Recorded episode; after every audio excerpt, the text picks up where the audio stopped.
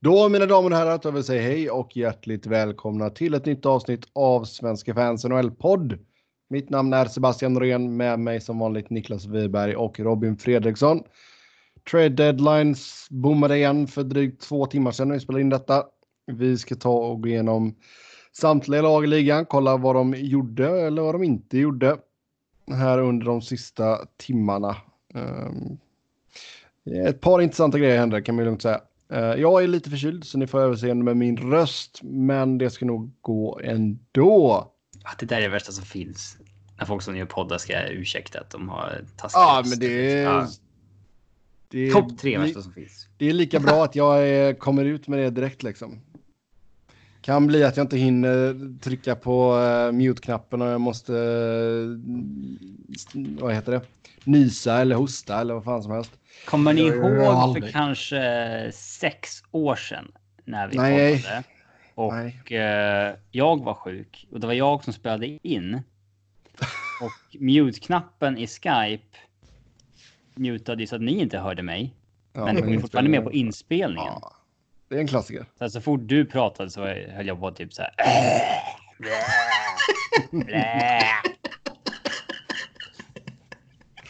Jag hade slemhosta så där så man fick liksom perioder klära halsen. En hårboll. Typ.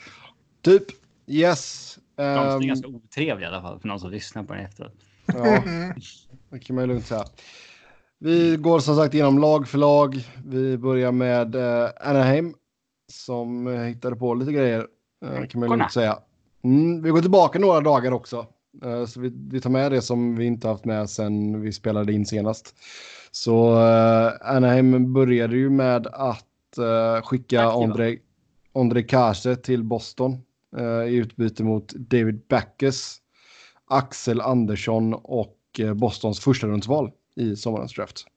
Det är oerhört upprörande att lagen fortsätter rädda de andra lagen från sina skitkontrakt.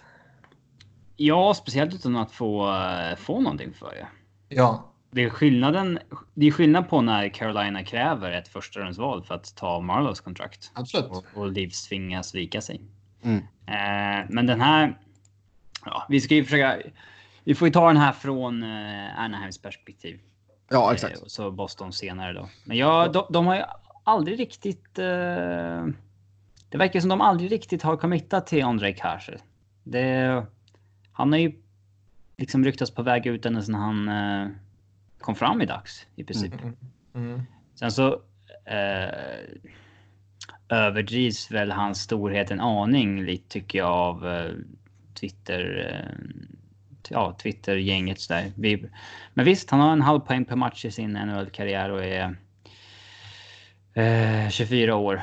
Um, man får ett förstahundsval. Sent förstahundsval ska sägas jag tycker inte det är eh, liksom en... Jag ser inte riktigt syftet med den här traden för deras del. Eh, alltså att de tar på, tar på sig David Backes, det är bara... Ja, det är oförklarligt. Så det, det går inte ens de vill ju ha sina sådana här gubbar ju. Och nu har de ju tappat Ryan Kessler till förmodligen karriärsavslutande skada.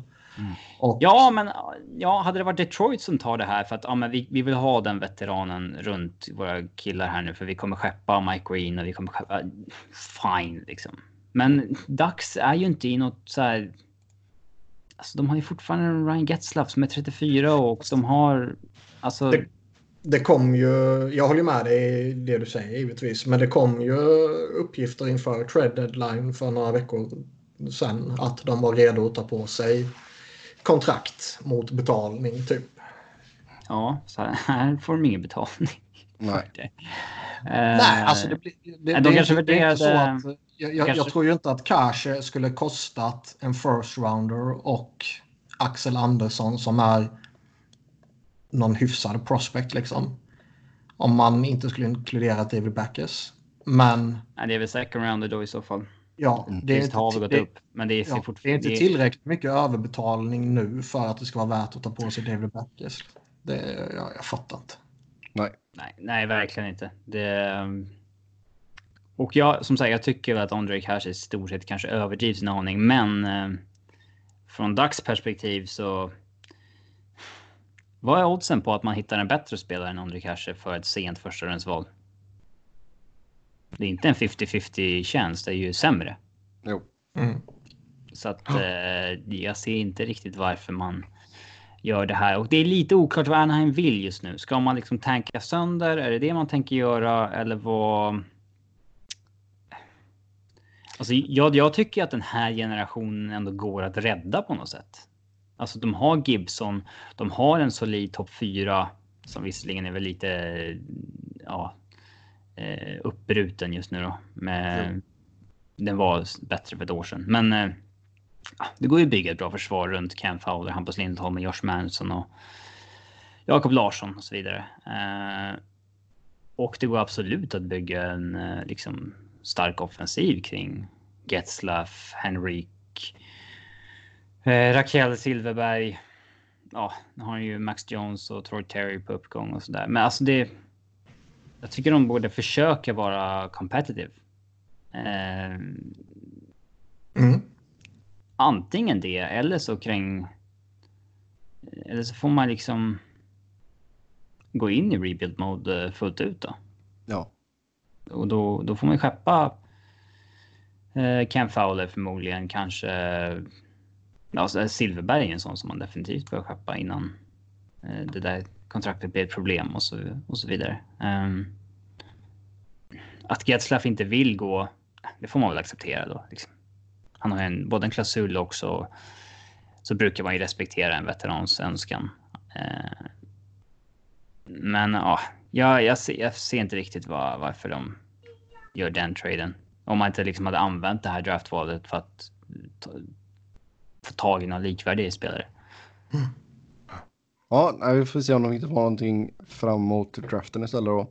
Sen skickade man Derek Grant till eh, Philadelphia och så fick du ett conditional fjärderundsval. Det kommer att vara det högre av de två fjärderundsvalen som Philly har. De har ju även Nashville. Inte det vänstra, alltså det högra. ja, exakt. Exakt. Okay. Det, som, ja, det, det som är bäst position så att säga. Och sen uh, Kyle Crisculo. Um, så visst, Derek Grant uh, snackade vi om att det var en av spelarna som kunde försvinna och han försvann till Philly. Sen så skickade man Nick Ritchie till Boston. Han gjorde en till trade med Boston alltså. Och fick tillbaka Danton Heinen. Mm. Här tycker jag ju att det finns... Där, där gör man en bra hockeytrade tycker jag. Ja, det finns en större sida på Heinen än vad det finns på Ritchie. Mm. Sen, uh, ja. Minor League Trade, Irvin mot Holzer, det är skitsamma. Uh, Sonny Milani mot David Devon Shore, också skitsamma. Eh, Christian Johansson mot Daniel Sprong också skitsamma, men ja. Heinem och Ritchie, bra hockeytrade för, eh, för Anaheim tycker jag. Eh, absolut. Sen så, de fick inte mycket för Derek Grant, men ja, det är väl där någonstans liksom. Han är ingen ja. superspelare. Det var en bild. Man undrar ju, jag, jag, tycker det var ändå en, en del som gick lite sådär billigare än vad man typ trodde de skulle göra. Ja, samtidigt så var det vissa som gick väldigt dyrt. Så, Absolut, men... Man eh, prediktar ju aldrig helt rätt. Nej, så är det ju.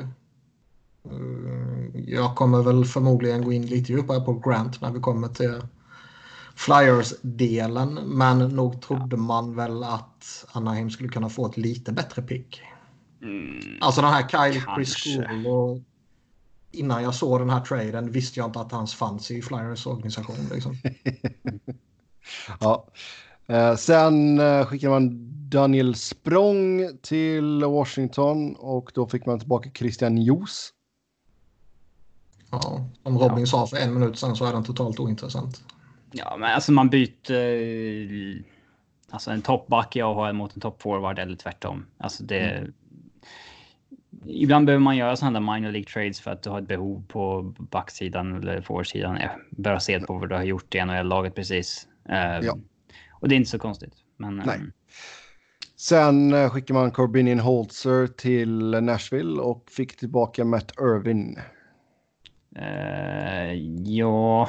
Den enda logiska förklaringen jag kan se här är från ett Nashvilles perspektiv och det är att David Poyle i slutminuterna innan deadline slog igen kom på att fan vi inte har gjort någonting. Vi måste göra någonting.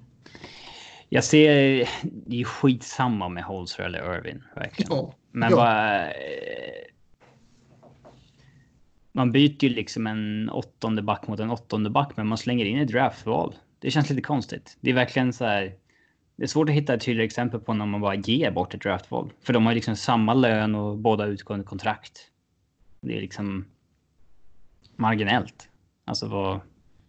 Varför? Ja, Irvin har väl 6... Irvin är på 6,75, Holtz är på 8,50. Ja, samma sak.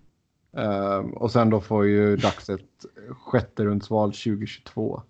Det är väl kanske att de behöver en, eller en högerskytt istället för vänsterskytt. Något sånt. Ja.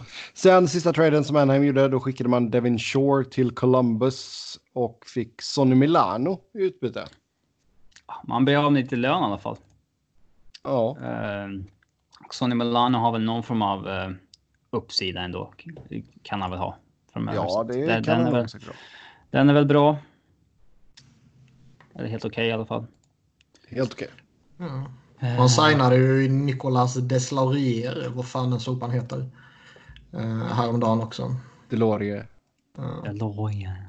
Två år, en miljon cap hit. Eh, förstår överhuvudtaget inte varför en sån snubbe får term överhuvudtaget. Vill man ha, om man nu envisas med att ha en sån spelare så um, signa upp honom på ett år i taget. Liksom. Gör det absolut inte under säsongen. Nej. Ja. Då går vi till Arizona. Där gjorde man bara en liten uh, grej. Det var Marcus Hennikainen som man plockade in från Columbus i utbyte mot ett conditional sjunderumsval. Så om uh, Hennikainen spelar tio matcher för Arizona så får de ett sjunderumsval. Uh, mm. Det intressanta är... Uh, nej, det tänker inte jag spekulera i om jag ska... jo, jo, kom igen nu. nej, uh, det intressanta är snarare vad de inte gjorde. Det, det, det bubblade ju lite om att man kanske skulle move on från Taylor Hall. Uh, mm. Och i så fall hade man väl gjort Brad Richardson och uh, Carl Söderberg tillgänglig kring deadline också. Men uh, man väljer att inte ge upp säsongen helt enkelt. Nej. Och det kan jag... Det kan man ju inte göra. Nej, alltså jag kan, jag kan Sen förstå jag alltså... det. Sen det hade kanske varit bättre för dem någonsin att göra det. För där hade man kunnat få... Men jag vet inte om, alltså skulle de trada Taylor Hall beroende på vad man får för honom så är inte det att ge upp säsongen. Nej, man kan ju få en yngre spelare tillbaka eller någonting. Ja. Eh, alltså, ge upp säsongen är ju att trada honom och typ börja skeppa lite andra penningöverförs. Mm. Ja, de hade kunnat skeppa Hall för en första och en prospect och sen skeppat Söderberg på ett andra val och sen eh, Richardson för ett tredje och så man riktigt loadad inför draften. Mm. Eh, för att man har ju inte, man har inget första och inget tredje år. Men äh, ja, det är väl ganska logiskt att man inte gör så mycket. Man, mm. äh, de måste ju ta sig till slutspel och har man en slutspelsplats då kan man inte sälja bort den. Ja, Nej. så är det eh, Nej, det, man... alltså det enda snacket som gick lite var väl att man kollade vattnet i alla fall om man säger på eh, kring en back. Ja, jag minns inte att jag Som alla sett, gör. Jag minns inte att jag sett deras namn i ett enda rykte. Nej. Nej, kan, kan vara så att Sebbe ljuger, men... Ja. Nej. Du är känd för det. Oh ja, oh ja. Uh, ja, då går vi till Boston då så tar vi Andrei Kashe och Nick Ritchie från Bostons perspektiv då. Så in med de två och så ut med Backes kontrakt uh, och Backes människan också. Uh, de behåller 25 procent. Uh, en drömtrade för Boston. Dels både alltså bli av med Backes kontrakt och uh, uh, ja, jag gillar idén med att ska man ge upp ditt, ska du ge upp ditt första rundsval? Du måste inte göra det för en rental. Du kan göra det för en yngre spelare som du har planer på att behålla också. Vilket wow. vi såg en liten trend av i år. Med, vi kommer till ett par fler spelare. Uh,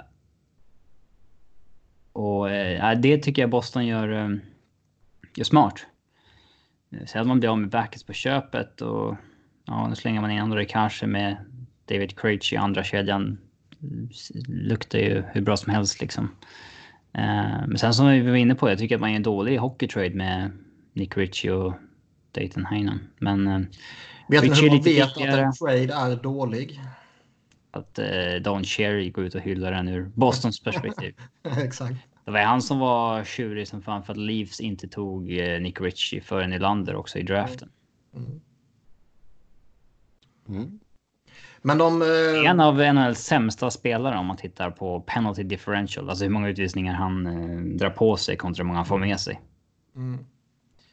De sparar ju ett antal miljoner på de här två traderna. Jag tror det är typ två, strax över två miljoner de sparar. Mm. De två miljonerna kan ju vara rätt betydelsefulla när man kommer in till sommaren sen. Ja, det är helt sant. Ja, det är... Och det är väl en faktor man får ta med i, i uh, Richie-traden, tycker jag. Eh, för de har ju, ja, Tory Krug är ju pending UFA till exempel och han lär ju absolut inte bli billigare än sina 5,25 miljoner.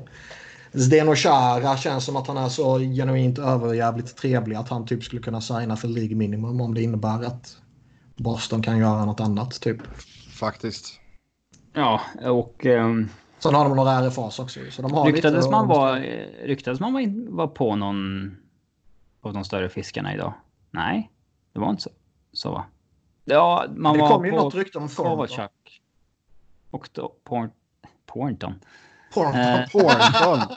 eh, Ja, men det sägs att Kovacic valde mellan Boston och Cavs och sen så... Fast han har själv sagt att när han fick frågan om de två lagen så har han själv sagt att nej, du har fel lag. Hmm. Ja. Men, men, Kowalczyk tidigare. Men man, var... man nämndes med många av eh, de större fiskarna, men det var väl lite svårt. Man har ingen cap space. Liksom. ja.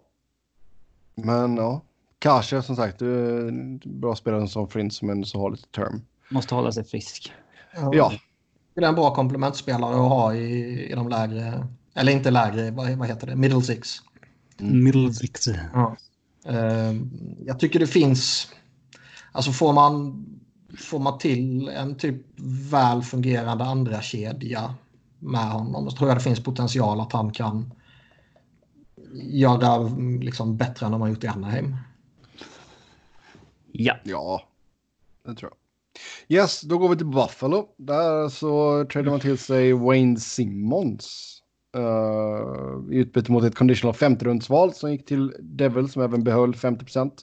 Uh, så om Buffalo tar sig till slutspel och Simmons spelar 10 matcher så blir det ett fjärderundsval. Sen så skickade man uh, Evan Rodriguez och Connor Sherry till Pittsburgh och uh, fick uh, Dominic Cahoon tillbaka. Det känns som en ganska lateral move här. Två middle six forwards ut, två middle six forwards in. Men... Uh, ja, man kan väl förstå att Bottrill inte kan skicka signalen att nu ger vi upp säsongen. Alltså, för man har vunnit lite här på slutet och så vidare, men.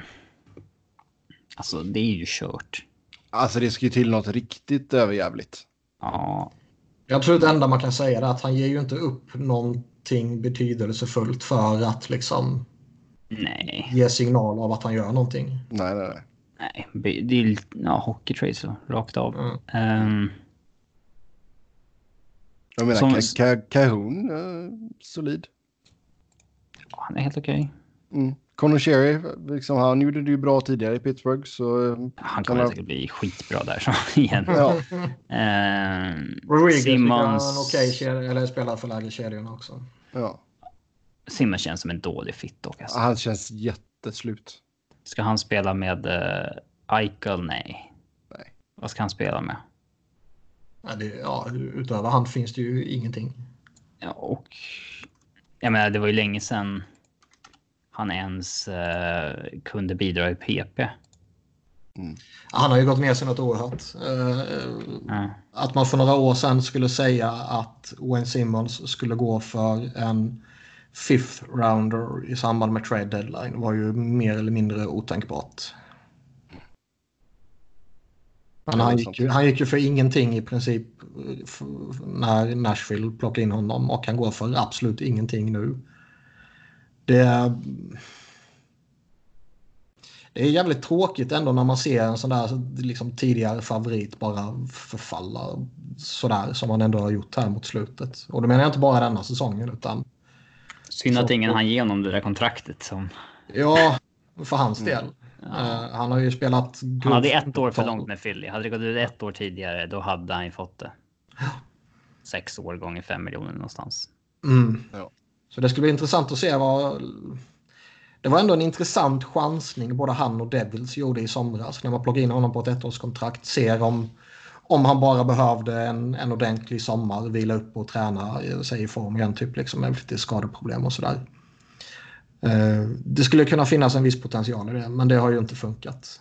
Så det ska bli spännande att se vad, vad som händer till sommaren. Jag är ju helt övertygad om att han har ett jobb i ligan i alla fall. Det är inte så att han har förfallit bort från ligan, det kan jag inte tänka mig. Men eh, det där stora kontraktet som man hoppas på kan han nog eh, börja drömma om. Jo, sen har, men alltså, sen har snubben blir... tjänat 33 miljoner dollar. Eh, ja, det är nog en av de spelarna som fått ut minst cash. alltså från i relation till hur bra karriär man haft. Absolut. Men eh, kan man inte leva ett gott liv efter karriären på 33 miljoner så har man gjort något jävligt fel. Känns lite så. Men visst, nej, men det är väl alltså ett års kontrakt någonstans på miljonen kanske. Det är väl hans framtid. Ja, kanske. Två om man har flyt. Eh, vi går till Calgary. Där plockar man in två backar i eh, form av Derek Forbort från LA med ett eh, conditional fjärderumsval 2021. Eh, det kan bli ett tredje rundsval 2022 om Calgary går till konferensfinal och Forbert spelar 50 procent av matcherna eller om Forbert skriver nytt med Calgary. Uh, och sen så tog man in Erik Gustafsson från uh, Chicago. Ett uh, tredje rundsval där. Så det är inte upp särskilt mycket. Vi skulle säga att Kings retainar 25 procent också på Forbert. Det är ju... Derek Forbort är ju... Han viftar man ju bort av bara ointresse liksom. Erik Gustafsson är ju ändå eh, intressant. Svårt att bedöma hur bra han är och vad hans värde bör vara alltså. Ja. Det bör väl vara mer än ett tredjedelsval kan jag väl känna. Han har haft en ganska pissig säsong. Och... Var, inledningen var ju framförallt jävligt pissig. Han har kommit upp sig lite efter den. Men det är fortfarande mm, liksom den hypen som var förra året, eh, det är ju mil ifrån den nu. Jo. Ja, han måste ändå i sommar kunna få ett rimligt kontrakt, men... Eh, Flay, alltså det skadar väl aldrig att slänga in en bra back i slutspel. Derek Forberg kommer ju typ inte få spela tror jag, men eh, Erik Gustafsson kommer ju få chansen att leda deras PP med eh, Giordano skadad i alla fall i början. Ja, exakt. ja, de har ju lite skadeproblem där. Mm. Ja. Sen, det tycker jag är en, eh, det är, det är en vettig förstärkning, helt klart. Och mm. man ger upp klart överkomliga eh, ja, i båda fallen, men i synnerhet i Gustafssons fall. Med tanke på att det ändå finns någonting där och förhoppningsvis kunna hämta ut. Oh ja. Jo, alltså ett tredjedelsval, det tycker jag är direkt billigt. Sen skickade man Brandon Davidson till San Jose för future considerations. Vad tror vi att Future Considerations kan hitta på i Flames? jag tror han får nöja sig med AHL-spel. Du tror det? Okej, okay, ja. Då går vi till Carolina som uh, gjorde en av de större grejerna här under trade deadline. Vi måste ju säga ja. att Johnny Hockey är ju jävligt skicklig på att trolla. Ja, att han klev, ja, ja, han klev av träningen. Så tog han ju bort från sin Twitter och ja, Instagram-profil att han inte längre var en Calgary-spelare. Det, det gör han varje år. Ja. Eh, och nu under dagen så lämnade han träningen i förtid och han får frågan ja. efteråt så ah, jag kunde nog pissa bara. Spekulerades ju lite i TJ Brody. Att han skulle gå, men det var ju helt tyst idag. Mm. Ja. Den där starka topp fyran Calgary hade för några år sedan. Det, den, eh, sönderslagen rätt snabbt. Mm. Nu med eh, Jordan och Hamdick på skadelistan. Och Hannifin inte levt upp till förväntningarna. Brody har börjat tackla av. Mm. Ja. Det gick lite rykten om att de vill ha en forward också. Ja, men de har ju skitmånga forwards på dåliga kontrakt. Alltså det... Ja, och extremt lite cap space. Så det löser nog inte. Nej. Yes, över till Carolina då, som gjorde en av de större grejerna under deadline-dagen. Vincent Trocek kom in och till Florida så skickade man Erik Haula, Lukas Wallmark, Chase Prisky och Etu Lustarinen. Ja, vi kan börja med den här. Uh, alltså. Det verkar ju som att man. Uh, vad ska man säga? Det har hela tiden rapporterats om att Florida, de shoppar inte Trocheck, men uh, det är mycket som är. Det är många som är intresserade av honom ändå, typ. och vi kan ju ta det från Floridas perspektiv senare, men. Ja. Carolina, det känns, väl, det känns väldigt tv-spelsmässigt. Man slänger in en man vill ha en andra line-spelare, man slänger in en tredje line-spelare och så slänger man in eh, liksom. Ja, lite spare parts man har för att väga upp värdet bara och så trycker man igenom traden. Men det är liksom egentligen helt orimligt att den andra parten skulle gå med på det. för varför? Var, de blir inte bättre av det. Och eh, ja, men vi, vi kan ju spekulera i Floridas anledning senare, men Carolina får in en andra center till ett mycket rimligt pris. Kan man lugnt säga. Oh ja. En bra centeruppsättning. De har nu Aho, Stahl och eh, Trocheck. Mm. Eh, absolut. Och... Eh... Även om Stahl behöver spela upp sig.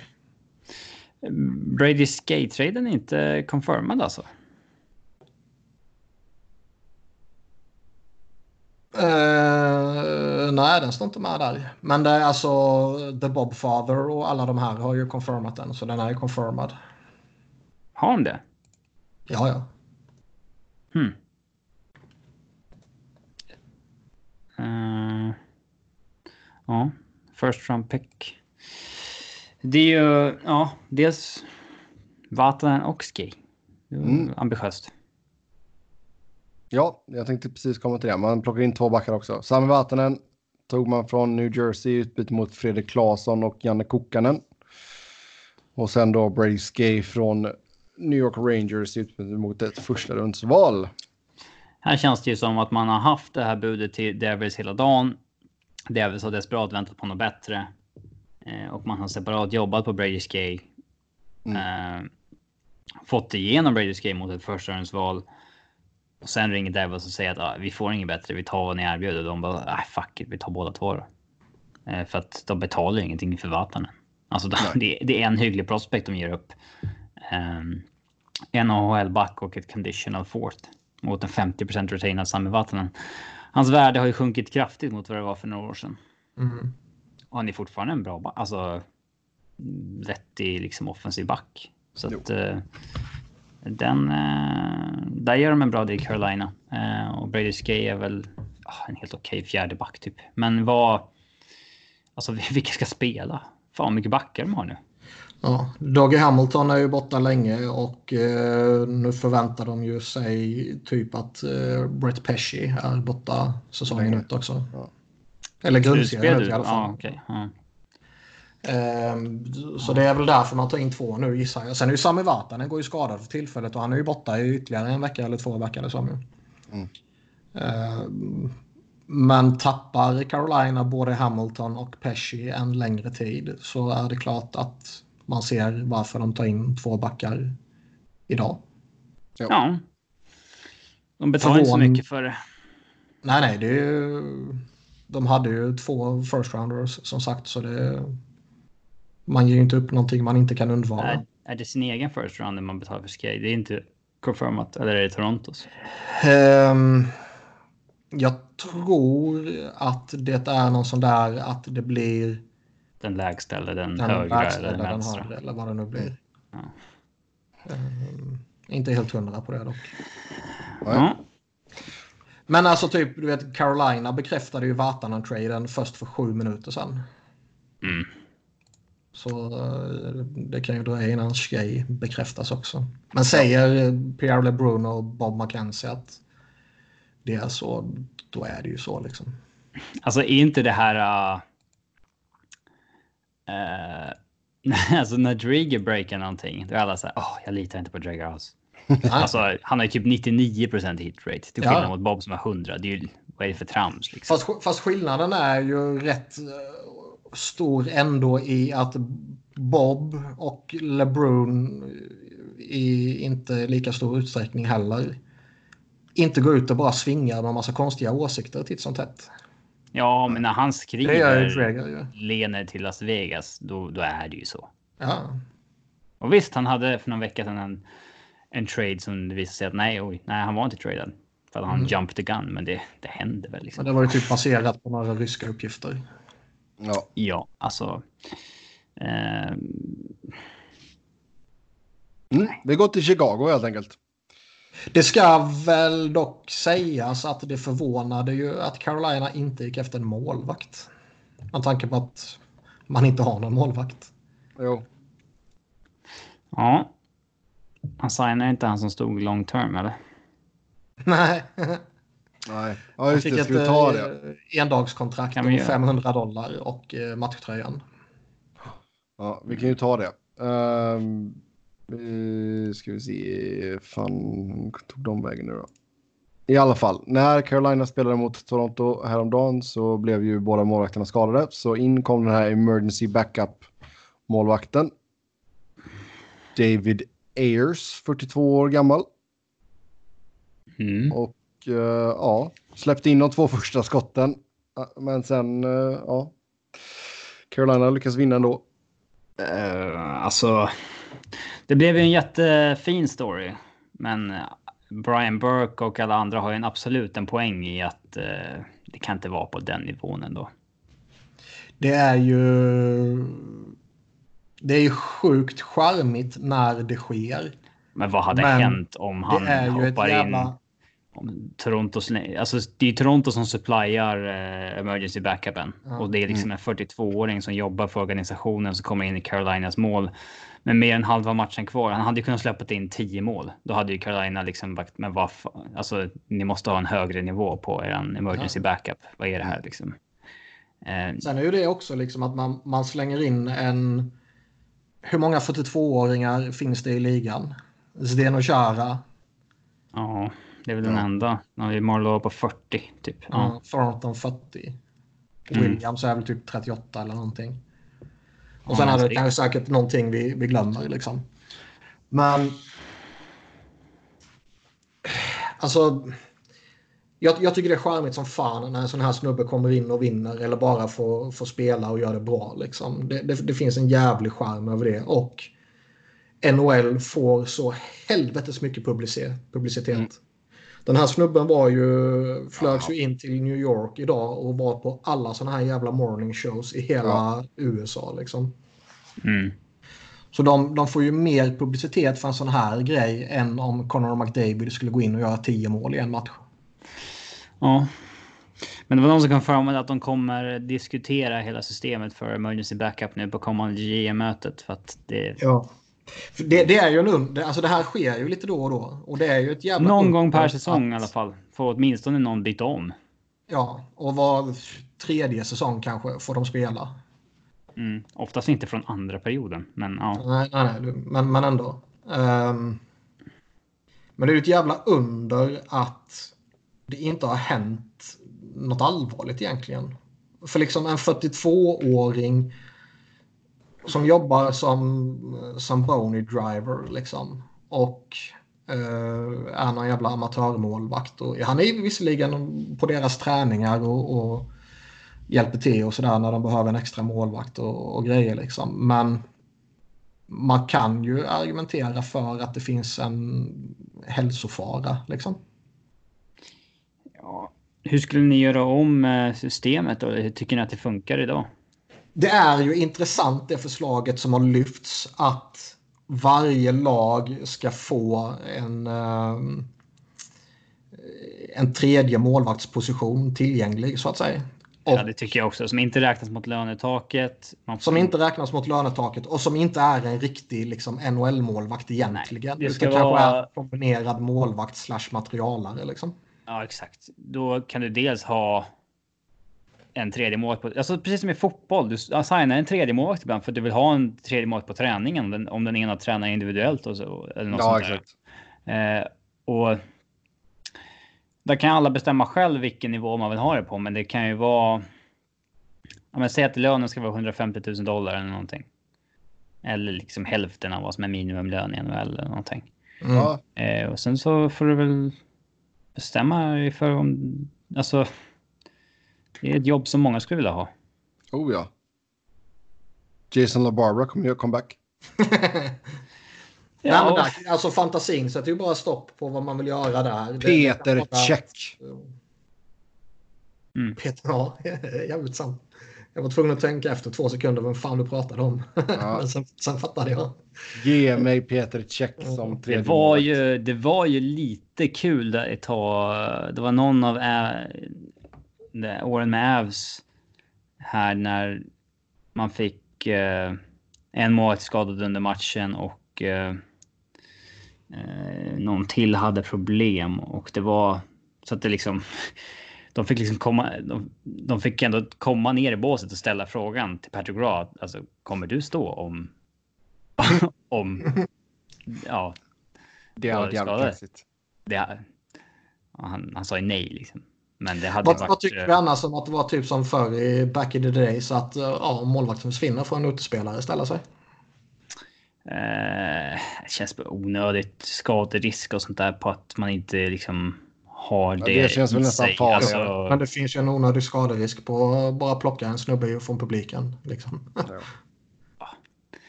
Eller så kör man liksom att ja, då får målet, målet vara öppet, men man får lägga buren ner. Så när man ska innebandy på, på träning. och ingen målvakt. Du tar motståndarlaget enda målvakt. Ja. Nej, men, men det, det, känns lite som att det, nu när det hände Toronto så kommer ju hela hockey-communityt prata om det. Ja, herregud. Det hade absolut redan varit ändrat idag om det hade varit så att Toronto hade gjort tio mål på snubben och det är så här. kommer ställas högre krav på vem som är. Ja. Backup. Uh, jag, jag, kan tänka mig någon, antingen eh, kanske de bara. Liksom okej, okay, från och med nu får, får ni ha tre målvakter på på rosten, precis som... Men man vill inte ha med en tredje prospect som ska behöva liksom aldrig spela och ändå åka med överallt. Nej, men det skulle kunna vara ett sätt för eh, liksom lite typ lite veteraner att fortfarande kränga sig kvar i ligan.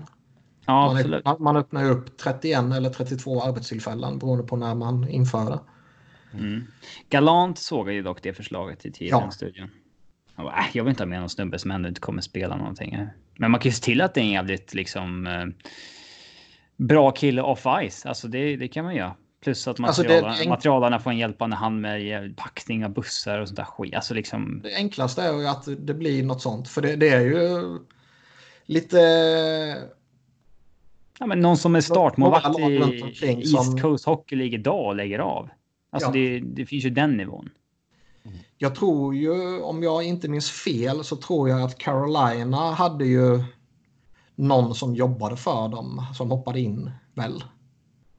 Mm. För några år sedan. Ja, jag, jag, minns, jag, minns, inte vilken uppgift han hade, men han, han var någonting, eller hade varit någonting, har jag för mig. Det klingar någonting i bakhuvudet. Och det, det är ju det enklaste upplägget bara, liksom att här, här är, du är anställd som materialare slash tredje målvakt. Ja. Eh, behöver vi en målvakt på träningen för att vår första målvakt behöver vila idag så hoppar du in. Annars hjälper du till med materialbiten liksom. Och den gången var tredje år som du eventuellt behöver byta om i en matchsituation så ska du vara redo. Liksom. Jo, antingen det eller så får du bara ha en tredje målvakt. Du får alltså... Ja. Du får ha en tredje målvakt på ligg minimum. Som inte, och det räknas inte mot taket ändå liksom. Eller någonting. Uh, ja, det var någon som pratade om att liksom att ja, eller så får man för att det här inte ska påverka och för att det inte ska påverka hur mycket spelarna kan tjäna och så vidare så är det någonting som man ska vara anställd av ligan. Man ska liksom inte inkluderas i spelartruppen. Nej. Ja, man ses som en del av staff. Liksom. Ja. Ja. Alla, alla lag får anställa en egen tredje mål som inte räknas mot lönetaket. Exakt. Det, det är väl lösningen vi landar i. Ja. La Barbara, La Barbara. Uh, Chicago då. Man, uh, som vi sa, där, man skickade Erik Gustafsson och uh, man skickade även Robin Lehner som gick till Vegas Golden Knights. Ja, det har ju confirmats här att det var en trevägs trade, men ja. ja. vi behöver inte tala detaljer där direkt. Men det kan vi göra. Nej. Så. Uh, Tydligt Black... kommer bli i poddform. Blackhawks får Malcolm Subban, Slava Demin och ett andrarumsval 2020 som från början tillhörde Pittsburgh. Toronto får ett femterumsval 2020 från Vegas och Vegas får då Robin Lehner från Chicago och Martins Zerkals signing rights från Toronto. Och varför är det här så otydligt varför? då Sebbe? Varför får eh, Aj. Toronto ett val helt plötsligt? Det är därför du ska få förklara detta för mig. Ja. De kliver in och retainar lön på Lene i mitten då. Ja. Uh, ja. Men hur som helst, man skickar Lena och får eh, Subban och ett andrahandsval i princip. Uh, det verkar ju vara lite klurigt med Robin Lehner. Jättebra målvakt, men på något sätt löste det sig inte Islanders. Och nu löste det sig inte i Chicago heller, trots att han spelat bra. Ja, men det, uh, jag tror att han vill, ha, han vill ha sitt kontrakt nu. Ja, det har han ju definitivt värd spelmässigt, men ja. av någon anledning så gav varken Islanders eller Chicago honom det. Trots att de båda två var liksom, stod inte att ha en Ilja Samsonov bakom eller liksom. Alltså det finns ju ingenting bakom som är. Islanders har ju. Ja, men de signade ju Varlamov istället för att de måste ju ha en. Så att det är ja. liksom. Jo, ju... men där, de har ju, nu kommer jag inte ihåg vad, vad fan heter han ryssen? Uh... Fan många ryska målvakter det finns nu. Ja, det, ja, det är en jävla supertalang. Vad fan kan inte hans jävla namn för? Ja, han som Drieger fake trade. Ja, ja. ja. Så kostar det in nästa. Ja. ja, exakt. Eh... Sorokin. Mm, jag sa ju Sorokin. Jaha, det hörde jag inte. Jag hörde bara Robin som sa något annat. Alltså, jag har Men, sett han... mute, så jag vet inte. Men eh, där var det lite snack när de signade Varlamov att eh, ja, men han ska vara hans mentor. Ja, för man vill ju ha Bobban först. Ja. Uh, ja, men alltså. Nej, men kommer man inte överens med uh, Lene då det är helt och det verkar som att man inte var villiga att ge Erik Gustafsson det, det kontraktet han ville ha heller. Där kan man förstå att de är sjukt oense om vad, hur ett långtidskontrakt ska se ut. Jag tror jo. att Erik Gustafsson pekar på sin supersäsong och Chicago pekar på att ja, alla andra fyra säsonger han har gjort typ. Uh, där kan man förstå att man är oense. Mm. Eh, och då är det väl helt rätt att casha in på båda och skicka för man har ingenting i slutspelsjakten att göra. Nej, men jag tycker inte Jag tycker du får för lite tillbaka ändå. För vem? Nej, för bara som du tar båda två om du ser på vad som har lämnat och vad du får in liksom. Uh, att du inte marknaden var väl inte hetare för Erik Gustafsson helt enkelt. att, att få mycket för en målvakt, det tycker jag är bra. För att det är inte alla som behöver en målvakt i slutspelet. Det är ju jättesällan. Ja, ett förstahundsval hade man väl. Lene var ju tillgänglig i sommar. Alla kunde ta honom, men det var bara Chicago som fick honom för att man hostade upp först. Det finns så jäkla få köpare så fort det är en målvakt. Det är ju det. Mm. Ja, men vi kommer till Lene sen igen när vi snackar Vegas. Uh, Malcolm Subban då. Det... Mm. Eller jaha, du hade något annat? Nej, jag tänkte bara om ni vill säga någonting om Malcolm Subban som nu går in och blir klar tvåa bakom Corey Crawford. Nej. Nej. Alltså det, det, det, intressanta här är väl om det här då indikerar på att de, de kommer committa sig till Corey Crawford över kommande säsong också. Eller om de kommer ge sig ut på en ny målvaktsjakt i sommar. Man fick ju förfrågan om Crawford från Colorado har Friedman bekräftat. Men då Uh, mer naturligt att skeppa Lener såklart. Som, alltså, han får man ju mer för. Mm. Jo, det helt sant. Någon måste ju stå säsongen ut. Ja. Såg ni det, det sjuka rykte som Eklund slängde ur sig? Nej. Nej. Jag inte påstå att jag kollar på. det är ju sjukt skoj. Att eh, Patrick Kane är tillgänglig om man också tar på sig Duncan Keith kontrakt. Oj. Ja. Där ser vi också en kille som har tjänat ihop väldigt lite pengar sett till vad han, hur bra han var över karriären. Eklund? Ja. eh, men liksom han har haft... Ja, han har fått sina 70 miljoner dollar visst. Men hade mm. han haft ett nytt kontrakt som skrev för tre år sedan så hade han fått en... Ja, nu är en årslön på 3,5 miljoner. Mm. Ja, jag gråter inte över honom direkt. Nej, det gör inte jag heller. Men eh, var, alltså, alltså, jag kan ju förstå mm. att man vill dumpa Duncan Key. Nu, det kanske inte stämmer överhuvudtaget, men. Eh, det var ändå lite snack. Eh, kan man bygga om lite on the fly här så kan man ju få en push innan Taves och Kane är slut. Mm. Alltså typ som Sharks har varit senaste åren. Då gäller det att Kirby Dack kliver fram ordentligt. The Brinket, The Straw och Strom. Och, um, det kan ju ske. Mm. Men då är det vissa kontrakt som ligger lite i vägen. Och det är ju bland annat då Duncan Keith. Han är fortfarande serviceable. Det var ju något, någon, någon som placerade in honom i, i Florida med Quenneville Talon och, och sådär. Men jag vet inte om det bara var någon som spekulerade hej vilt eller om det var något rykte om att Florida ville ha honom. Florida vill ha alla pensionärer. ja. Yes, vi går till Colorado. Och där uh, plockade man in Vladislav Namestnikov från Ottawa i utbyte mot ett fjäderrundsval 2021. Och sen uh, fick man även in Michael Hutchinson från Toronto. Och då skickade man tillbaka Kalle Rosén dit. Mm. Ja, det började för ett par veckor sedan när man fick Kadri, Rantanen, Grobauer och uh, Matt Calvert skadade. Mm. Um, tycker jag att man gjorde en bra grej att man förlängde med Pavel Fransos direkt. Förstår han nu 20 matcher och gör det bra, då är han en helt annan prislapp till sommaren tror jag. Mm. Mm. Vad ja, landar du på nu? Två miljoner dollar i två år. Ja.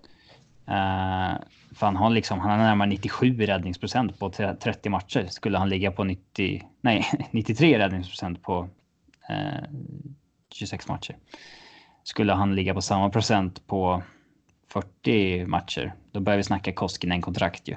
Mm. Ja. Eh, så det, det, det var jävligt bra att man löste det på en gång, tycker jag. Eh, och där och då togs man väl bort från eh, konversationen kring att han att skaffa en typ en Lundqvist eller sådär till näst, som även har kontrakt nästa år. För då har man ju både Fransos och Grova signade nästa år. Eh, att man behövde en målvakt nu för att Grova var skadad. Det, jag tycker folk är så larviga med att ja, man behöver en depth goalie. Sen när man skaffar en depth goalie så är depth goalie inte tillräckligt bra tycker folk. Men det är ju en depth goalie av en anledning. Alltså, Michael Hutchison har ju haft en eh, solid NHL-karriär men haft ja, 15 dåliga matcher i Toronto. Då är han inte vattenvärd plötsligt. Det går jävligt snabbt. Alltså, det, går, det går snabbt i Toronto. Ja, alltså, han var en av ligans mest respekterade veteraner, alltså eller backuper där i, i tre år i, i Jets. Um, så nej, det är högerplockduon med Fransos och Hutchinson. Den, den är sällsynt idag kan man lugnt säga. Se där ja. ja. Uh, och ja, fourth round pick för Nemesnikov, den förespådde många. Uh, det är tydligen en spelare man har varit intresserad av i flera år och uh, Um, uh, ja, man betalar ett rimligt pris och väntat pris tycker jag för det. Uh, och det är väl lite täckning vid skador och sådär. Det är ju en penalty kill specialist och där har man haft uh, problem. Så den tycker jag är logisk också. Det intressanta är ju snarare vad som inte hände. För Bob McKenzie skrev ju att man ville ha en forward till. Man nämndes ihop med Kreider och vi vet ju sällan särskilt mycket om Avs. De är en jäkligt hemlig organisation. Men till exempel när Bogosian signade för Tampa så går Dreger ut och säger att Colorado var ett av lagen som var precis där. Man bara, ha. Lite random. Eh, och det, det kan ju vara för att han har möjlighet att få en, en gratis uh, spelare. Asset, liksom, ja. Mm. Eh, så, så, kan det vara. Eh, för att man tänkte skicka Kalle Rosén mot Hutchison eller någonting. Men eh, ja. Man undrar ju vilken forward man var på utöver eh, Namestnikov som man ville ha in. Det har ju pratats så mycket om Chris Kreider att det rimligtvis borde ha varit eh, någon form av intresse där. Mm. Och då sägs det att priset var alldeles för högt. Ja. Mm. Och då är det nästan alltid bäst att backa tycker jag. Jag gillar, jag gillar ju värvningen av Namestnikov. Jag tycker han är eh, intressant. Han kan ta lite olika roller i lite olika positioner och eh, han kom ju billigt. Han var ju den första stora som gick också, eller kanske till och med den första överhuvudtaget. Mm. Eh, jag tycker det blev lite förvånande ändå att han går så tidigt, så pass billigt som jag ändå tycker det är. Det var inte länge sedan han gjorde liksom 45 poäng på 60 matcher i, um, i Tampa. Uh, sen gick det inte lika bra i Rangers och sådär, men det, alltså det är i princip en halv poäng per matchspelare som mm. har bra defensiv. Uh, så att, ja, den är man ju nöjd med. Men jag är förvånad att det inte försvann någon spelare, för Tyson Jost bara flög upp på TSNs tradebait-lista sent igår och uh, ja, jag trodde åtminstone någon av de här att, att någon... Ja, men var, var det inte just det att Tyson Joe skulle vara en del i det här paketet då för typ en Crider? Eh, kanske. Mm.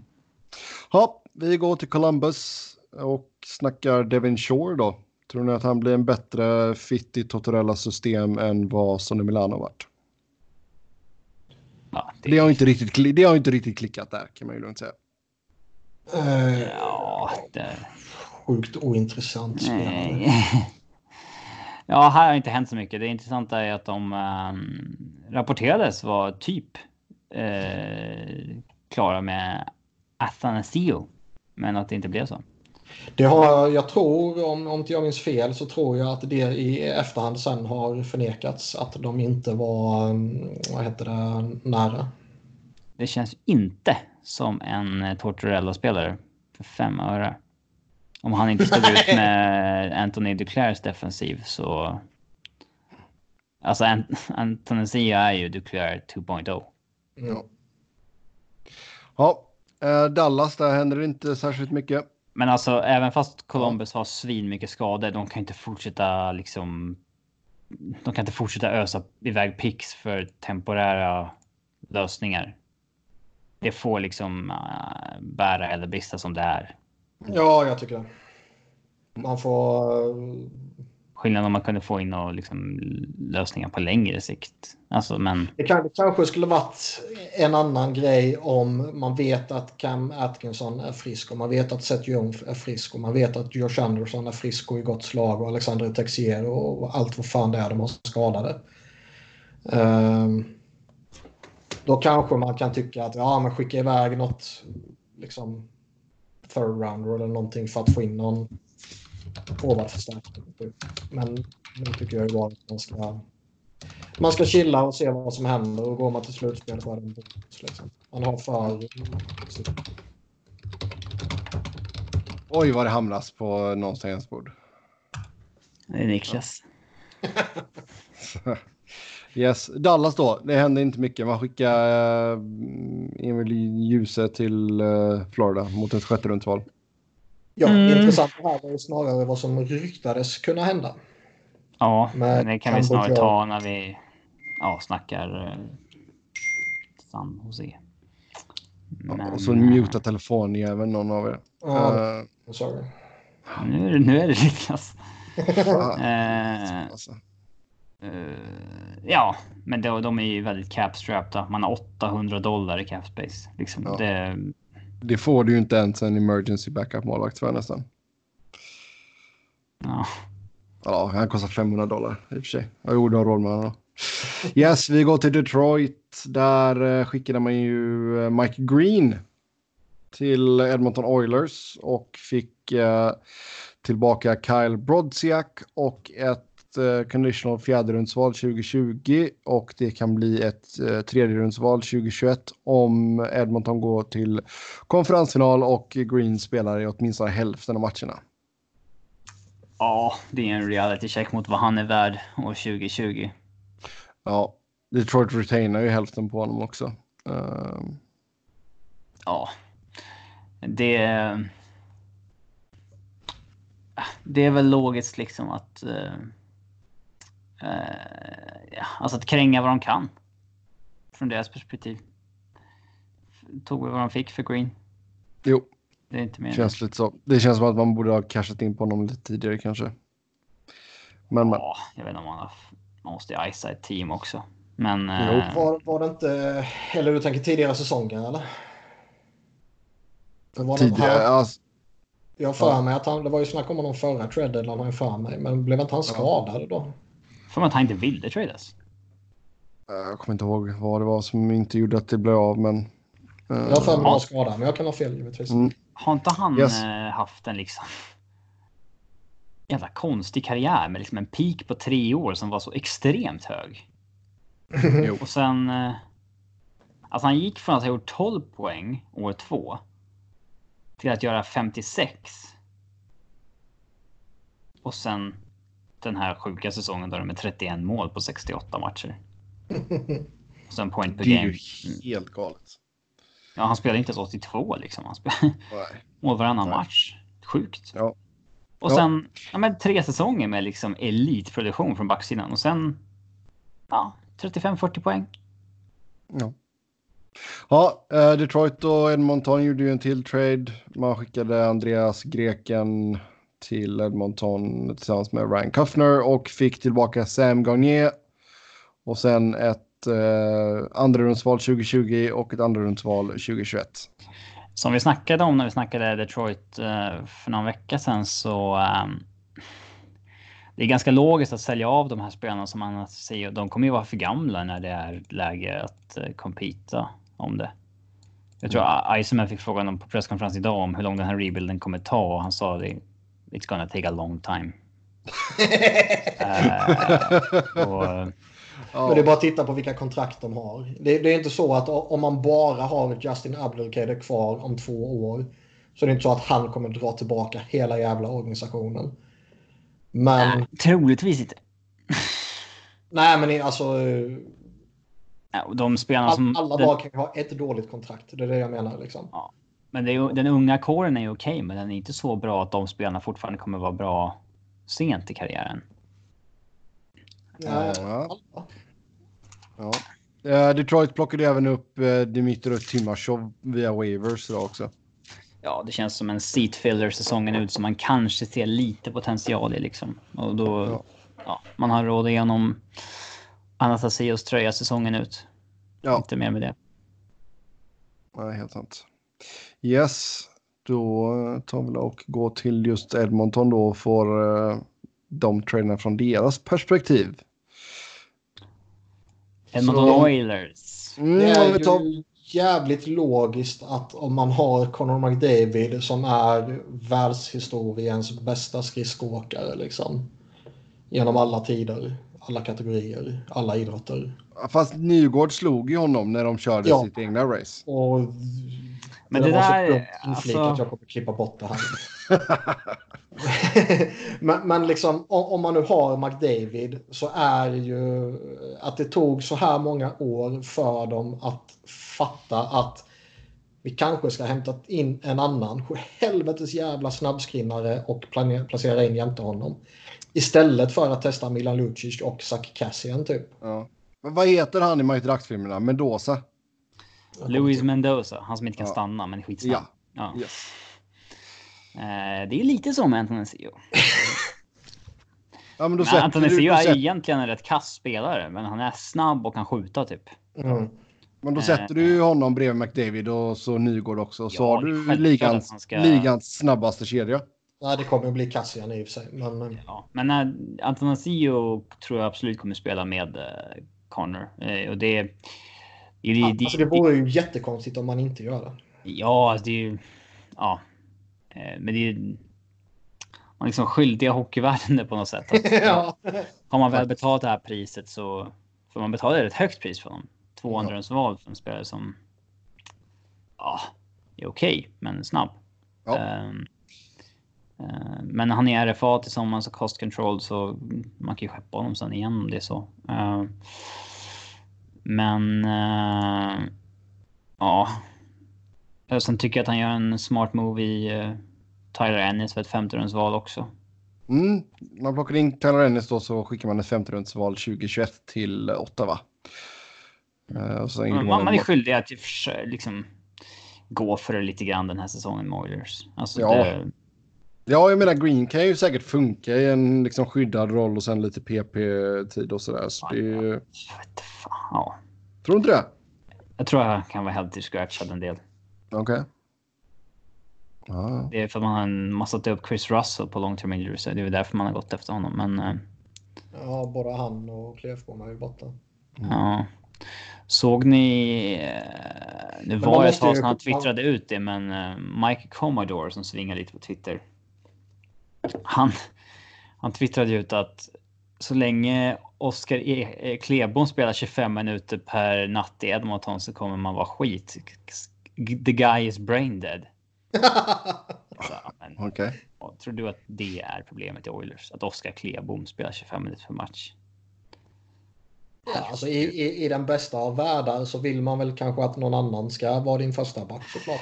Ja, men, men, ja. men liksom... Ni är en tvåa åtminstone i de flesta lagen. Ja, men, men, eh, att måla upp det som det absolut största problemet i Edmonton, det håller jag inte med om givetvis. Ja. Nej. Sen är ju Commodore, eh, han är ju oerhört underhållande att följa de här dagarna. Det känns som att han, han verkar ju ha någon kontakt på NHL-kontoret. Det känns som också hitta på lite grejer. Men jag tänkte säga det. Det känns som att han hittar på lite bara för att trolla också. Så typ, han körde ju Lundqvist i Colorado till exempel. Och någon har bara hittat på, ja. Mm. Han har ju inte 50% hitrate. Det är en på 10 snarare. Mm. Jo, men även om man är en på 10 kan ju hälften vara korrekta rykten. Mm. Men han jump the gun lite grann. Mm. Mm. Ja, han körde ju Lundqvist i Colorado till exempel häromdagen. Mm. Mm. Men det känns som att jag bara uh, trollar han lite. Ja. Men det, det, är ju...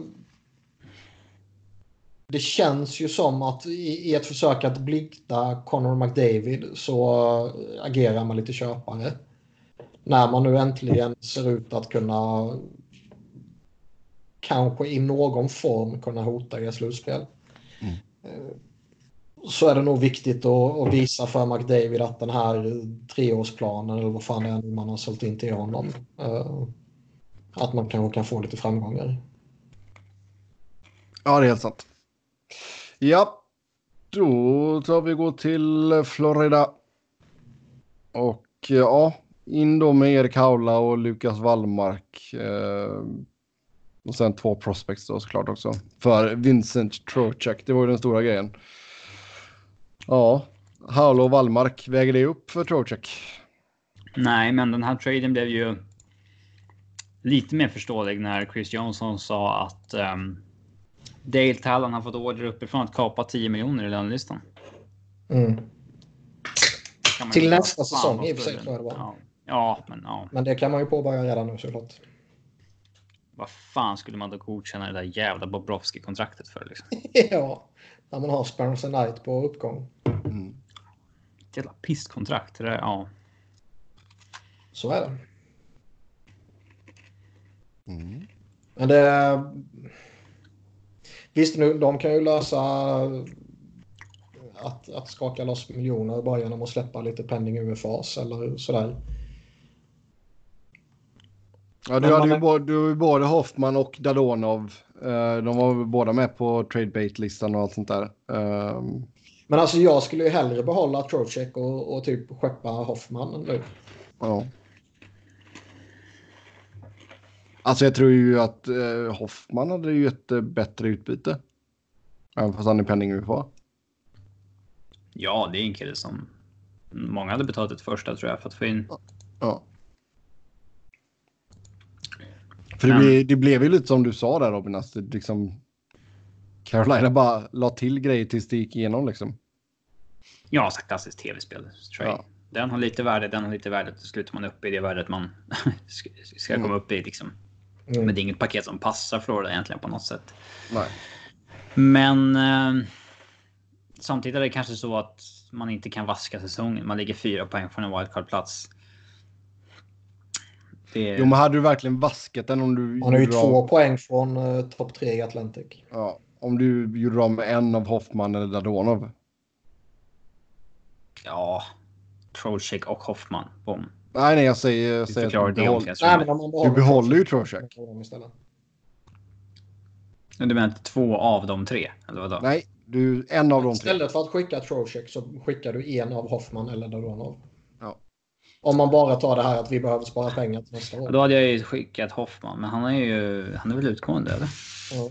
ja. Då sparar man inte något till nästa år. Jo, genom att inte skriva nytt med honom. Ja, men det, räk det räknar får, kanske redan med att inte göra. Men... Så får du någonting för honom. Ja, du plockar upp ett första val där. Ja.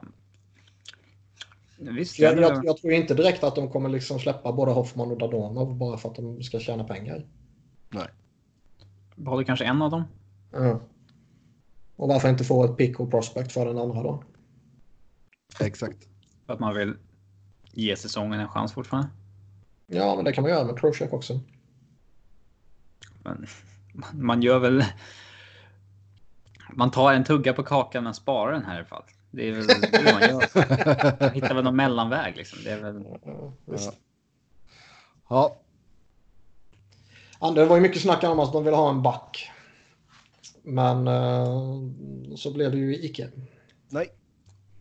Ja, då går vi till Kings. Man eh, skickade Alec Martinez till eh, Vegas Golden Knights tidigare. Ja, den 19 gjorde man den. Um, och fick tillbaka två andrarumsval, ett 2020 ett 2021. Så det var väl vad man hade förväntat sig. Uh, och sen då Derek Forbert till uh, Flames idag. Så det var inte så mycket det mer. Bra att man lyckas få någonting för honom. Ja, men jag hade ju gärna, jag, jag hade ju gärna sett att man hade skickat någon mer än bara de här två. Ja, men vem vill någon ha? Det, det var ju väldigt ja. mycket snack om Trevor Lewis, men han kommer man inte få någonting för. Du kommer få fourth round eller Ja, men ge mig det då. Ja, absolut. Men... men uh... Det är inget rage över. Nej. Jo! Nej, man kanske... Det är typ Ben Hutton. Liksom, fan, borde det inte finnas något intresse för honom ändå? Han är ju ändå hygglig. Mycket mer intressant än Derek Forbert. Ja. Um, jag såg ju uh, Kings Avs-matchen här natten med uh, Kings Broadcast. Förutom att det var superirriterande att de hade Snoop, Snoop Dogg som kommenterade i första perioden. uh, jag förstår att det är kul om man ser det på Twitter i en minut, men han kommenterade ju liksom 12 minuter i första perioden. Och då gjorde de ju skärmen mindre så att han skulle kunna vara i bild också. Mm. Alltså, ja. det är inte så intressant om man om jag, jag kan inte ens nämna en grej han har gjort eh, liksom musikmässigt. Så att jag... jag var på väg att börja rabbla någon film, men... ja, jag vet inte vad han gör, men jag vet att han är känd. Uh... han är en känd, uh, vad heter det, drug dealer. Nej, gud. Åh, oh, ni två. Känd. Den där han ju. Jag sa att han gör reklam för Klarna. Han var, ju, var han Cameron Diaz drug dealer i high school eller vad fan det var? Men det jag skulle komma till med deras broadcast är att man känner igen det så mycket från när Avs var dåliga. Att de liksom försöker. De försöker pumpa upp massa grejer som positiva, liksom så här, som inte är liksom. Man går igenom liksom dog years, men man, de försöker ändå få liksom en positiv spin på allt. Vi pratar om Martin Fergs kontraktförlängning och så här. Den här killen har verkligen visat att han förtjänar att vara här och nu skickar organisationen meddelande att att kommer du hit och visar att du förtjänar att vara här, då kommer du bli belönad med ett kontrakt och så här. Det är så krystat liksom. Jo, men det, det, så blir det ju när de är anställda av laget liksom, ja. mer eller mindre. Uh, men absolut, ja, man signar nytt med Martin Furk. Hurra. Mm. League minimum typ. Ja, han skjuter hårt. Grattis. Um, Nej, det är ja, LA är vad LA är just nu. Det kommer ta många år detta. Men, eh, men, men. Men man kommer inte ha... Ska man bygga om någonstans så är det ju... Ja, dels, det kan ju vara bra att det är en marknad där ingen kommer skälla på en över det. Men det kan också vara jobbigt att det är en marknad där fansen slutar gå när det är så. Jo, lite så är det ju. Jag menar, du har ju många som hoppade på tåget när det gick bra som inte liksom var med. cyklerna i NHL. Nej, men exakt. De liksom fattar inte det här och de bara vad fan håller ni på med typ. Uh, och liksom alla som gick igenom alla skitår innan liksom sitter ju mycket lugnare i båten och bara ja, men det här är väl inga problem. Uh, mm. Men men så är det ju. Det är ju bara att de får de, de som är lite mer färska får, får lära sig liksom. Har du lärt dig? Uh, håll käften. så här bara. Uh, jag tycker ändå att LA har gjort ett okej okay jobb på att hårda draftval. Ja. Ja. Så är det, det är ju bara Kings, Montreal och Ottawa som kommer draftas kommande åren. Det är ju det. Helt sjukt. Ja, uh, Minnesota, där har man inte gjort någonting nytt sen uh, Sucker-traden. Är det bekräftat det här med alltså supertraden? Nej, det blev ju ingenting verkar det som. Ja, det, det, jag, skulle, jag, skulle, jag skulle komma till det. Det alltså, Mike, Mike Russo har ju bekräftat att diskussionerna fanns där och eh, det har ju på massa olika håll bekräftats att både Andrew Ladd och Zach Parise wavade klausuler. Ja, men vad sprack det efter men, det? Det sprack för att det kom ut och då sa Lou nej, då vill inte jag göra detta. Det är väl så folk, eh, för han har gjort lite så tidigare. Det var ju eh, när han tradade till sig Corey Schneider. Så var det ju under draften i New Jersey. Mm. Och traden blev ju klar kvällen innan första rundan skulle gå av. Och då var ju en deal med Vancouver att om det här läcker ut så blir det ingen trade. Så han kan ju mycket väl bara att nu läckte det ut och liksom, nej det skiter vi i det. Eller så var det mer... Ja, men då förtjänar han få sparken från sitt jobb. Vad sa du? Då förtjänar han få sparken från sitt jobb. Uh, Uncle Luke kommer aldrig få sparken. Han, han kommer lämna själv. Ja, men om men han har kommit fram till en trade jag, som är... Ja, jag håller med dig givetvis. Men det, var, det har hänt tidigare och folk spekulerar i att det kan vara anledningen nu. Den mer logiska anledningen är väl rimligtvis då att det är en svår trade att få till. Om den har kommit upp lite på studs så här på slutet med Eh, om man balans, ja, balanserar ut lite pengakostnader och, och kanske eh, inkludera ytterligare någonting och komma fram till vad som är rättvist värdemässigt från båda hållen och sådär. Ja. Nej, alltså man såg ju på dem i TSN-studion också att bara, nu säger vi detta och sen så var det något som lade in en brasklapp mer eller mindre direkt. Så visst. Men då hade det åtminstone varit de stora pusselbitarna varit Zach Parisi till uh, New York Islanders och Andrew Ladd tillbaka till Minnesota. Men det blev inget. Det är ju fullkomligt obegripligt hur man kan gå efter Zach Parisi idag. Även om det innebär att man skulle bli av med Andrew Ladd. Det är ju värt en del att bli av med Andrew Ladd och, och hans kontrakt. Uh, han är 34 år, han har ytterligare tre år kvar på, på det här kontraktet som har en capita på 5,5 miljoner. Det är ju ett rätt omfattande kontrakt ju. Mm. Men liksom Zach Parisa har ju typ 17 år kvar på sitt kontrakt. Det är synd, för det är alltså, synd att säga. Det är väl skit väl i dem, men det hade varit en bättre trade för alla parter tror jag. Jag är väl skeptisk till om den skulle varit jättevettig för Minnesota. De får ju ett kortare kontrakt som rinner ut snabbare. Mm. Ja, men uh, jag ser också en större tillgång i Zach Parisa. Ja, men de kommer inte vara competitive. Det är lite som Alltså det är lite som uh, Hartnell alltså, mot Umberger-traden för ja, sju år sedan. Visst, jag håller med. Men de är ändå liksom och skuggar strax utanför slutspelsplatserna och vi vet sedan tidigare att de har... Men allt tyder på att man är på väg längre ifrån den hela tiden. Ja, men alltså, vi vet sedan tidigare och... att de har en ägare som förväntar sig att de är slutspelslag. Och jag tror ju inte att de kommer justera de förväntningarna liksom. Och då tror, alltså ur det perspektivet så tror jag ju att Zach Paris är en större tillgång för dem än vad Andrew Ladd är.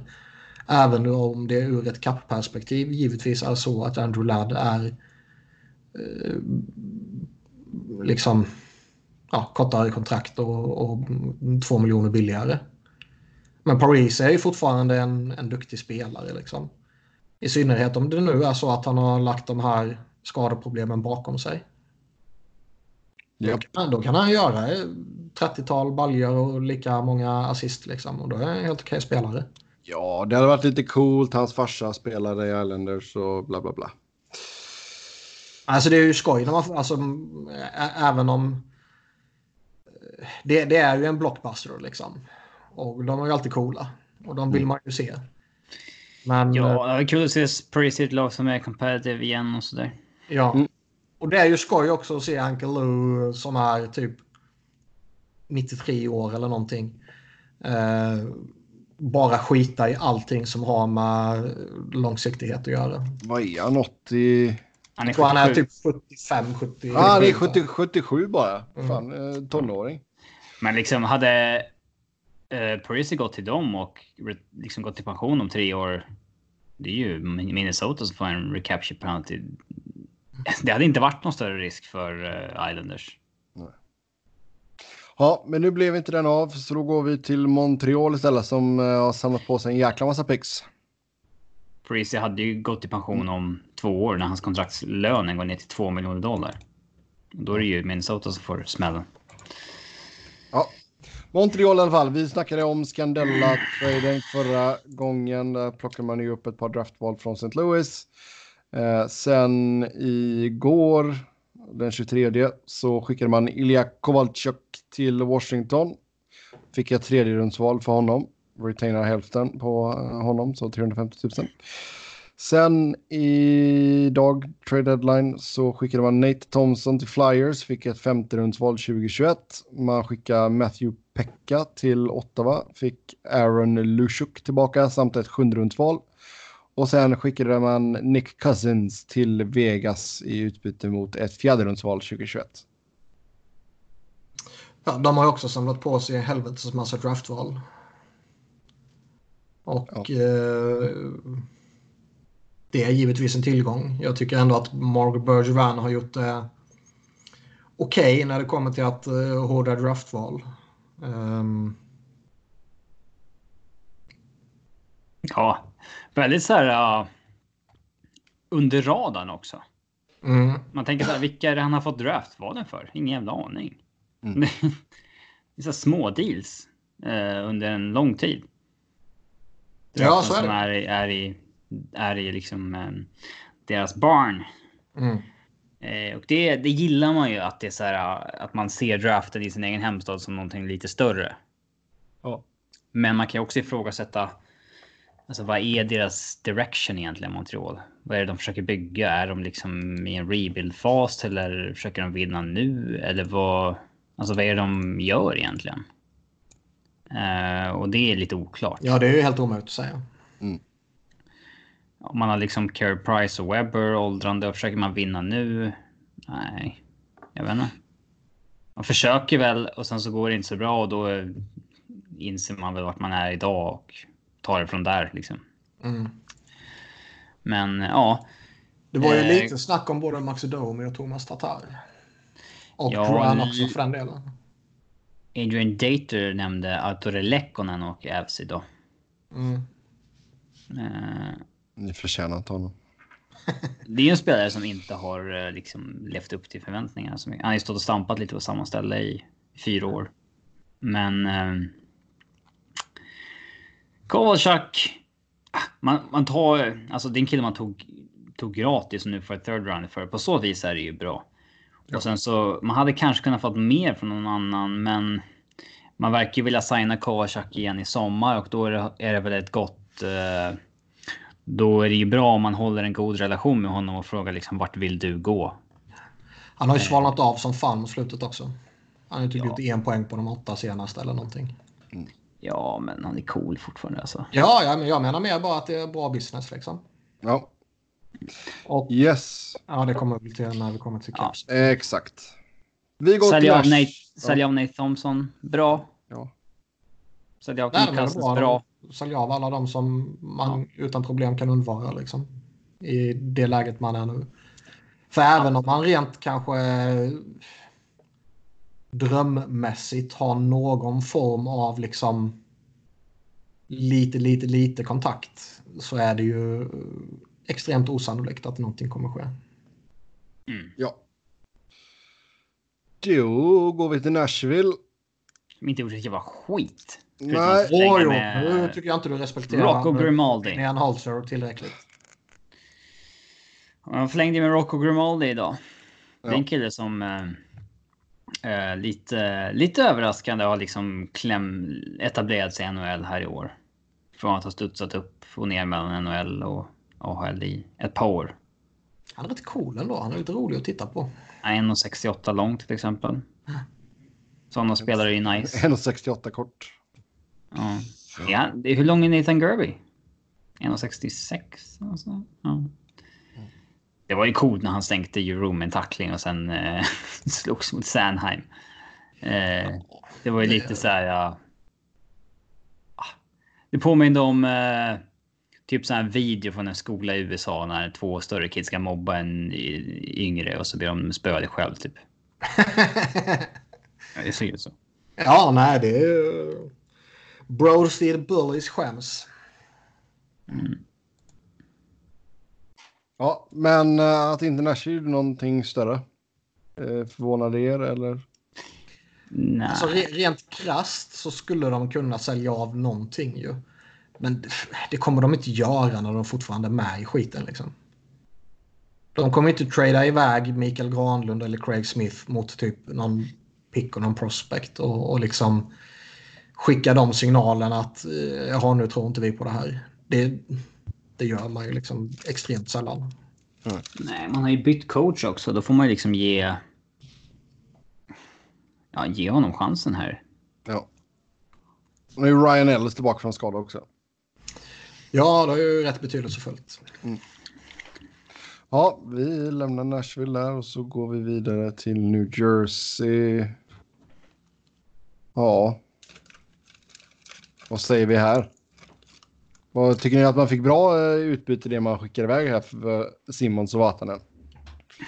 Nej, det får man väl inte, men uh, man tog väl förmodligen det bästa man blev erbjuden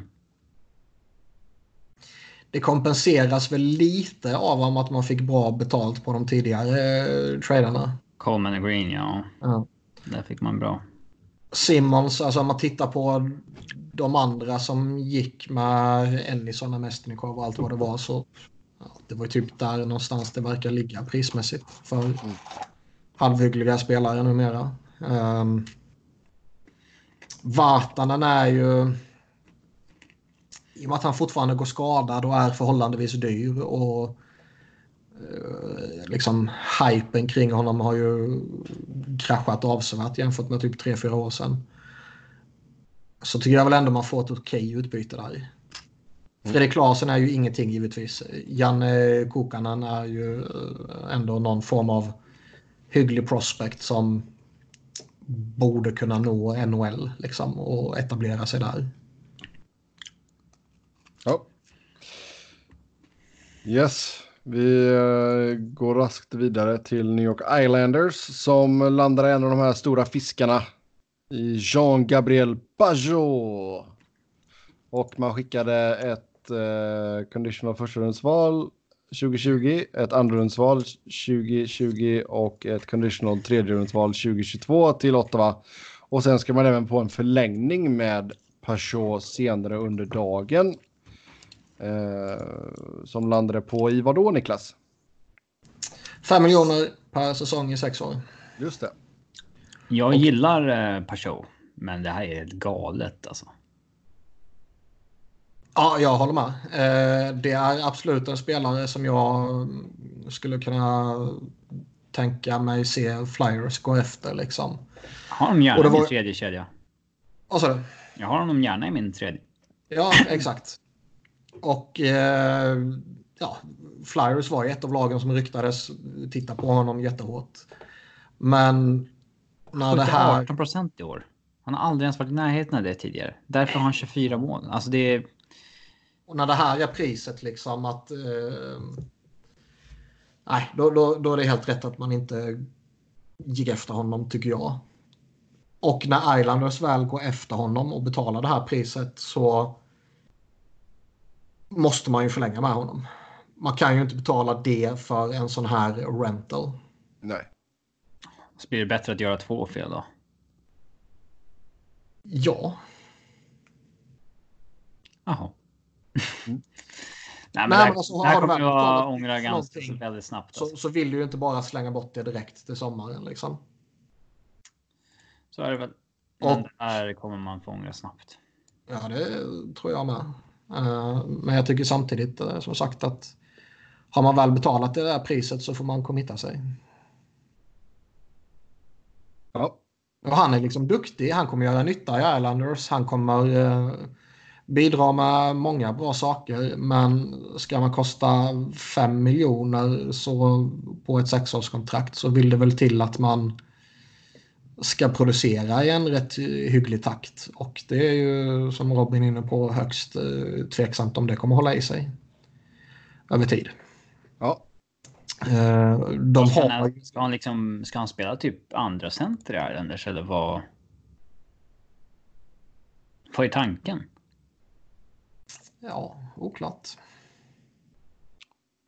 Mm. Vi får se. Ha, Men de, har ju, de har ju rätt många uppsignade nu med lite term och lite uh, cash. Och de har mm. Barzal som har utgående kontrakt som ska signas till, till sommaren som ju... Han ska ha betalt. Han borde ju bli snuskigt dyr givetvis. Mm. Han är ju superfantastisk. Um... 10 mille. Ah. Det, det, det, Tror du verkligen det? Ja, han kanske inte är värd 10 mille idag, men... Ja, kanske. Det låter väl spontant är väl att det är lite högt i alla fall. Men, men uh, han kommer få mycket betalt i alla fall. Han, kom, han borde ju bli deras bäst betalda spelare i alla fall. Så mycket kan man säga. Mm. Uh, det är Anders Lee idag med, med 7 miljoner. Ja, ja, herregud att han ska över det. Alltså, mm. men alltså, jag skulle inte bli förvånad ifall han skulle, ifall 10 liksom. Det skulle, det skulle inte vara som bara wow. Ja, nej, visst. Men som sagt, de har något stort kontrakt som ska skrivas där. Ryan Pullock ska ha nytt. Man vill väl förmodligen förlänga med ytterligare någon av alla sina spelare får man väl anta. De har ju ändå några stycken på utgående kontrakt, både UFA-status och RFA-status. Så ytterligare några miljoner kommer väl spenderas och eh, de har 11 miljoner i capspace till nästa säsong nu. Mm. Ja. Vi går eh, över till eh, Rangers där eh, man signade en förlängning med Chris Kreider. Det var ju annars den stora nummer ett på uh, trade debate-listan. Uh, sju års förlängning, 6,5 miljoner capita. Ja, och en, bilolycka på det. Eh, och, så en bil, och så en bilolycka på den också. Ja. ja, där eh, eh Bushnevich och eh, Kistorken åker. Ja, enligt dem så gör en bil. Dem. Eh, mm. Enligt dem så gör en bil en U-sväng framför dem som smäller rätt in i den. Det enda de han se var att det var en oerhört eh, välkammad head and shoulders frisyr som åkte iväg. ja. Det är det som sägs. Eh, och eh, ja, Bushnevich är, är skadefri men eh, Storken kommer vara borta ett tag. Och något revben som gick åt helvete. Och där försvann väl den lilla mikroskopiska chansen på att Lundqvist kommer, skulle tradas. För nu behöver de ju honom. Um, Tänk alltså hur, hur hysteriskt underhållande skulle det inte vara om det kom fram på riktigt att det var Henke Lundqvist som har gjort ja, någonting. Beställnings... Det, det finns, det, vi kan ju inte utesluta det. Inte, Helt. Alltså, alltså chansen eller risken hur man väl går och ser på det är ju inte noll. Den kanske är 0,00. Nej, sluta. Någonting. Men för guds kan, skull, vi kan ju, den är ju de facto inte noll. Ja, här... vi, vi, alla har, vi, vi vet inte hur man reagerar i, en, i, den situationen som Henke är i. Man är väldigt pressad, vill spela. Eh. Nej, och sen har han tappat sin bästa kompis som blev borttrade. Alltså, jag vet inte hur jag kan han ta... måste vara ett mentalt vrak. Liksom. Vilket det är klart avstånd kan... jag tar från det här alltså. Herregud. Jävla tönt. Usch. Uh, nej, men tänk, tänk, tänk, tänk, på riktigt om det skulle komma def fram. Defamation suit här vet du. nej, tack. Uh, nej, men, Säg inte ja. att det var så, vi säger bara att vi kan inte utesluta. För vi vet inte. I vilket fall som helst. Det har ju inte kommit en enda rapport som förnekar det. Så mycket kan vi säga. Oh, Gud. Mm. Ja. Det är ju Men... misstänksamt. Ja. Herregud alltså. Um, var ni förvånade att man inte tradade iväg någon annan spelare? Uh, typ, en, typ en Jesper Fast. Mm. Han känns ju som en sån där typisk eh, spelare som någon contender vill peta in vid deadline. En nyttig bottom six-spelare med... Jag tycker att det var... Man verkar vara i ett konstigt mellanläge där man typ... Jag vet inte, det känns som att halva organisationen tycker att man är färdiga med rebuilden. Mm. Men någon vill fortfarande trada... Eh, liksom... Trada på. Det blir en mellanväg där man tradar Brady Skay men behåller fast och Kreider och... Eh, den är lite konstig. Skia är ju lite mm, märklig liksom. Om man tittar på vilka backar. Där blir, där blir man ju klart sämre på en gång då. Så ja, där... man, man dumpar Chattenkirk först och sen dumpar man Brady Skay. Men man behåller Brennan Smith och Mark Stahl.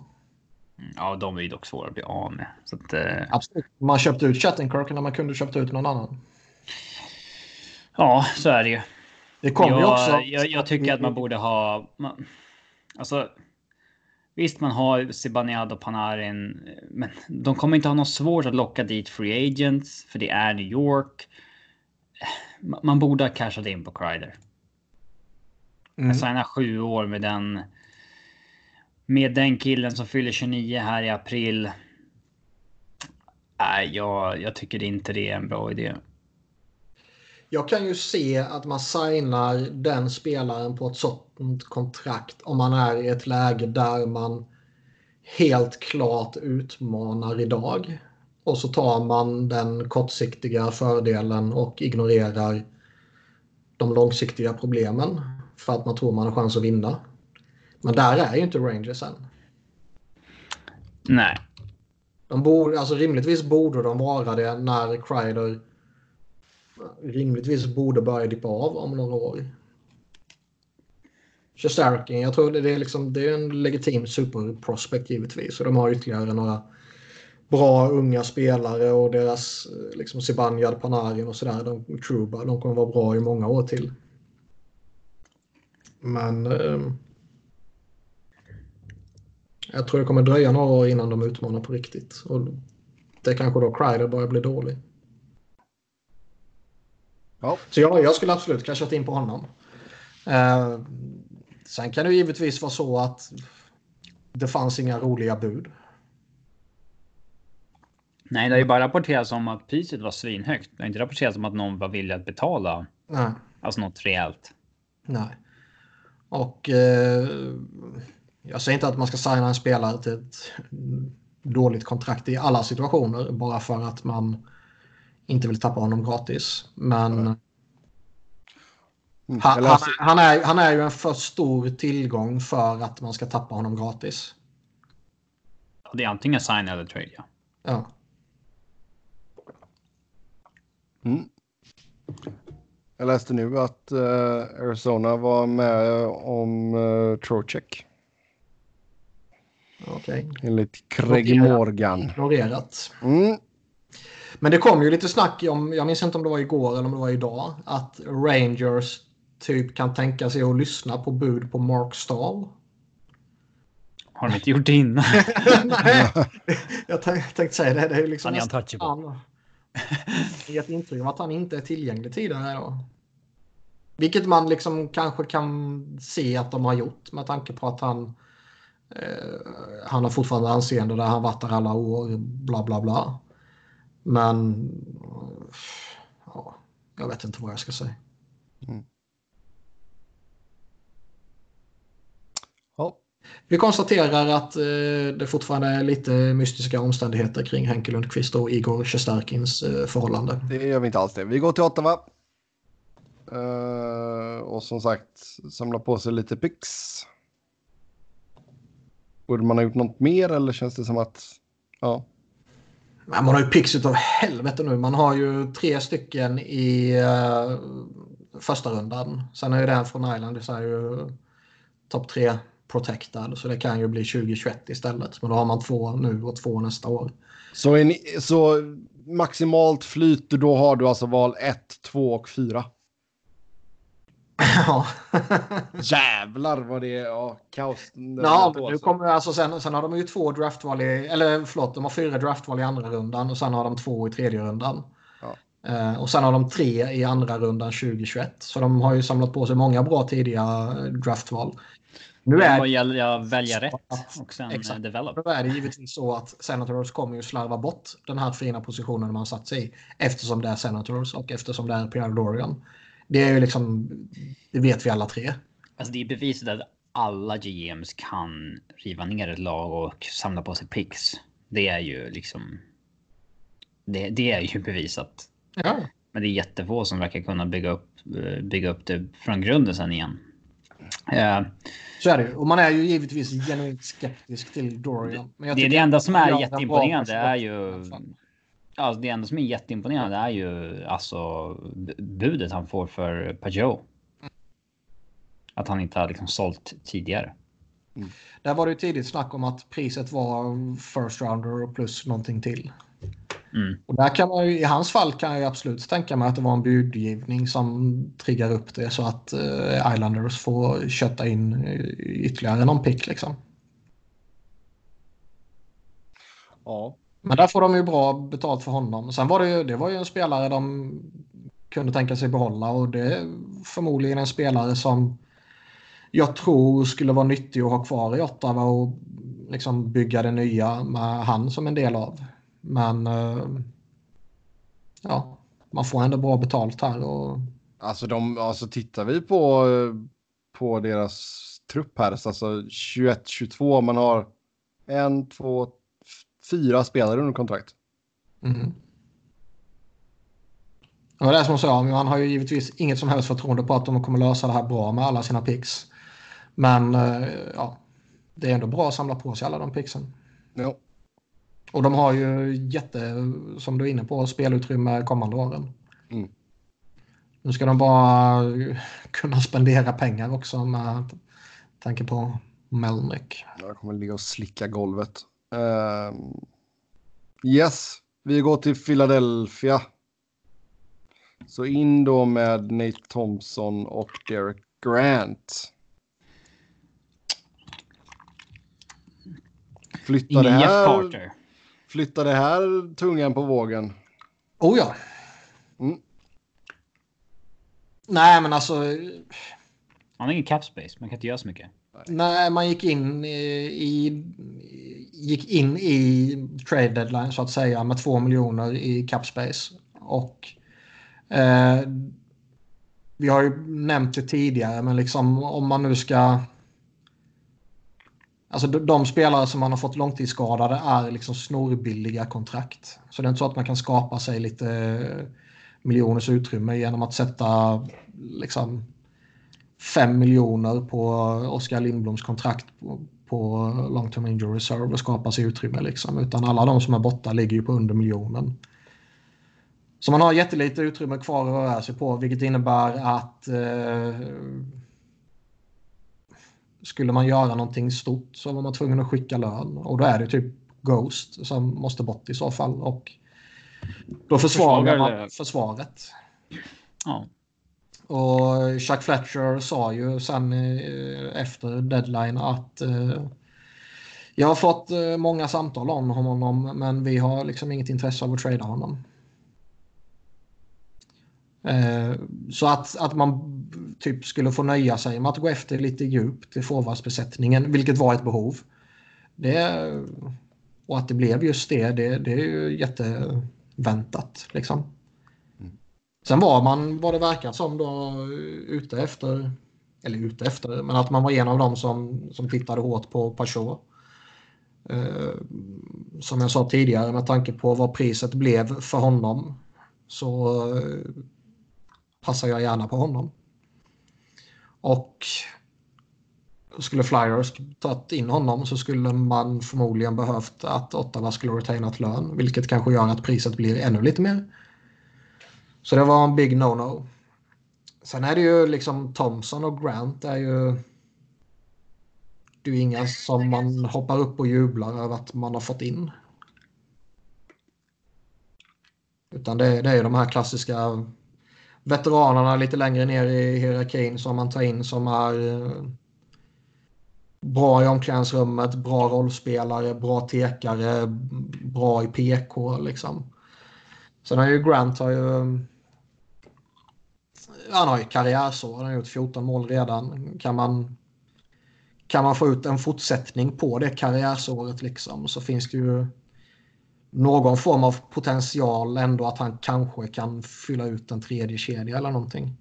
Mm. Men annars är ju båda två för fjärde kedjan eller kanske trettonde forward till och med. Ja, bra, då har vi snackat tillräckligt om Philadelphia och så går vi till det Pittsburgh. Är... Nej.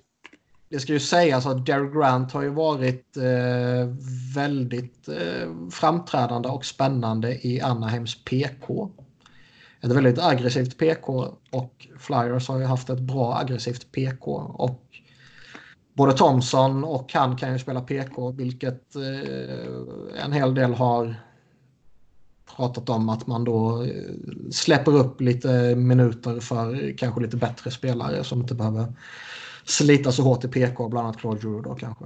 Mm. Och det kan vara värt en del. Ja. Men alltså folk... Alltså fan, Philadelphia jag har sagt det förr, jag måste säga det igen. Ni måste ändå förstå att jag är en av de mer rimliga på Philadelphia Twitter. Ja, det är ju helt bisarrt. Då fattar ni hur jävla sneknullad Philadelphia Twitter är. Ja. Det var alltså folk är typ. Ja, men folk är eh, alltså. Sportmänniskor överlag är liksom dumma i huvudet. Alltså supportrar till eh, organisationer Alltså jag, det spelar ingen roll vilket lag det är jag följer. Det är folk som häver sig så mycket skit så att. Ja. Eh, ja, men det tydligaste exemplet jag kan ta är ju. En Liverpool-journalist som heter Melissa Reddy som sa att Liverpool troligtvis kommer ha en relatively quiet sommar. Folk som blir svinlacka. Mm. Säger att ägarna bara ute efter att tjäna pengar. De vill inte investera. Man hade vunnit 26 och 27 matcher. Varför skulle man gå ut och värva sönder? Ja, nej, det är ju... Lik, likadant idag. Liksom Ävs-Twitter som tycker att deras deadline är fucking joke för att man inte lyckades med någon större trade. Nej, men att man inte gjorde en bomb eller blockbuster eller ja, Men var, varför och det är samma liksom, sak här. Varför, liksom, skulle man inte fan... röra om i... Varför skulle man... Ävs vill väl inte ens röra om särskilt mycket i laget? Nej. Det har ju bekräftats här också att Flyers typ leadership group hade ju snackat med Mignot och eller Fletcher och typ sagt att ja, vi ser gärna att ni, ni kan förstärka laget men kanske Spela göra det. Också. Ja, alltså men, spela rådet liksom på svenska. Ja, ja typ. Och, och liksom, vi ser gärna att ni kan förstärka laget men kanske göra det utan att uh, tumma på det befintliga laget. Och man fick in två, två liksom nyttiga typ utfyllnadsspelare djupt i hierarkin som är det enda man på förhand kunde gå efter utan att man ger upp någonting kostsamt. Liksom. Ja. Så jag ska inte sitta här och säga att jag är eld och lågor över Nate Thompson och Derek Grant, för det är man givetvis inte. Men jag är typ tillfredsställd vad man gjorde.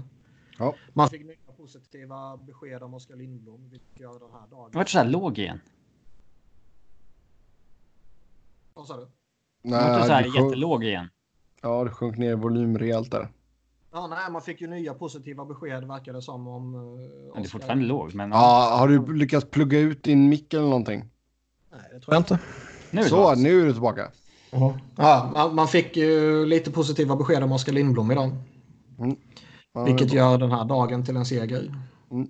Absolut. Fletcher säger ju också att Nolan Patrick eh, man hoppas att han ska clearas för full kontakt under de kommande veckorna. Så det, det skulle kunna... Med Patrick? Ja, så det skulle kunna ge en eventuell boost inför uh, slutskedet av säsongen och slutspelet som man hoppas kunna gå till. Det, det gör det inte. Jag sa att det eventuellt. Ja, problemet med Noah Patrick är att han är ju dålig även om han spelar. Ja, men han är ju bättre än Nate Thompson. Kanske. Okej, okay, nu har vi snackat alldeles för länge om Philly. Nu går vi till Pittsburgh. Där wow. så plockar man in eh, Penguins-fanet Patrik Merlö. Och Connor Sherry och Evan Rodriguez. Då. Ja. Det, är, det är ett bra push tycker jag.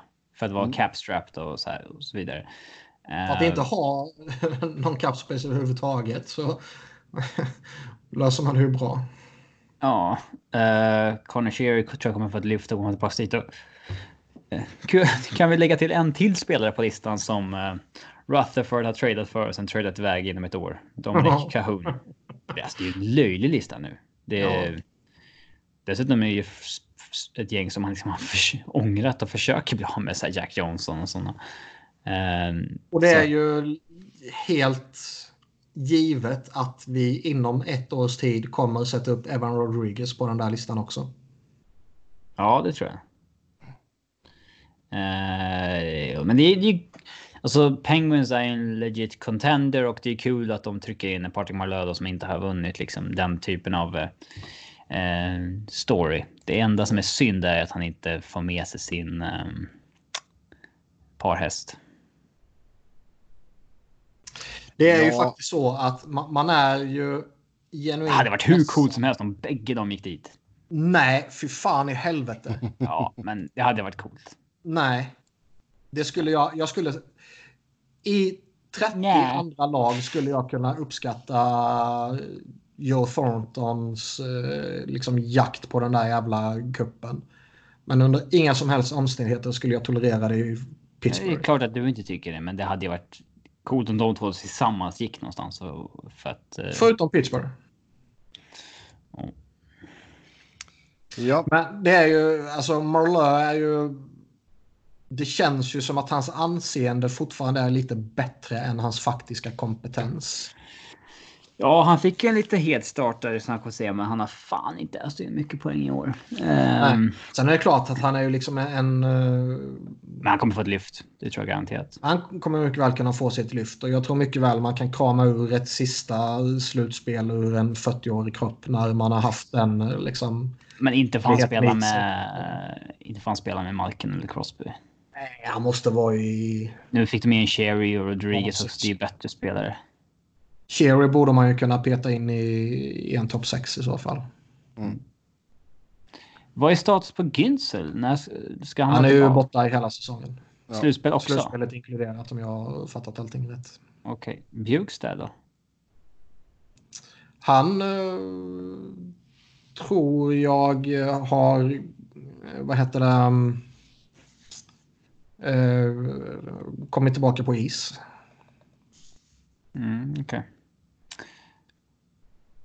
Men lite oklart. Um, ja. Men ja, alltså de får in en ny kedja liksom. Det, det är ju bra gjort. Ge bara upp en spelare och draftval för. Så det är mm. bra. Och visst, Kahun har ju varit bra för dem, men var det det som var priset så fine. Ja, det är ju bara att göra det i princip.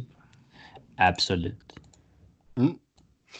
Yes, vi går ju till Sharks och så tar vi det från deras eh, perspektiv. Ja. Uh, att släppa Marlowe är ju en no-brainer. Så är det absolut. Uh, man har fuckat upp sin egen säsong och han vill vinna. Låt honom gå vart han vill. Liksom. Mm. Jävla synd att Thornton är kvar bara. Alltså... Trade deadline dog när Thornton inte flyttade. Ja, men vad fan ska han göra 20 matcher i Sharks som var säsong är över och alltså vad? Man, man undrar ju varför. För, för han har ju själv sagt att liksom, ja, men jag skulle kunna tänka mig det om det är en bra fit. Eh, var det att han inte tyckte att det var någon bra fit? Dallas ska ju varit nära honom. Liksom. Sades det inte att han gav en lista på fem lag han var villig att gå till? Ja, det har jag missat så fall. Uh, jag såg i alla fall att någon skrev det i en tweet till typ Dater eller någonting så här att vad.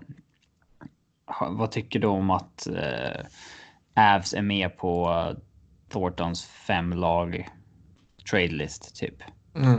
Uh, det kan ju ha varit så att de som. De som var redo att. Uh, ja, plocka in honom. Att det var lag som han inte kände, äh, nej. Men det sades väl att han kunde tänka sig Dallas? För det är jo. ju det laget som... ja, och vad, vad kan det ha fallit på? Alltså liksom att de vill ha liksom för mycket för honom. Nej, man låter väl honom gå bara i så fall. Alltså, Alltså man nöjde sig med conditional third för Marla. Då är ja, alltså... det något liknande för Thornton. Och är jag intresserad av att ta in Thornton då betalar jag ju conditional third rounder för honom. Liksom. Annars är det märkligt. Det kan ju inte falla på priset att man liksom deprivar Thornton över en sista cup chase för att man liksom Nej, inte fick en second istället för en third. Nej, det, det jag, kan, jag kan inte tänka mig. Jävligt sorgligt att det inte blev av.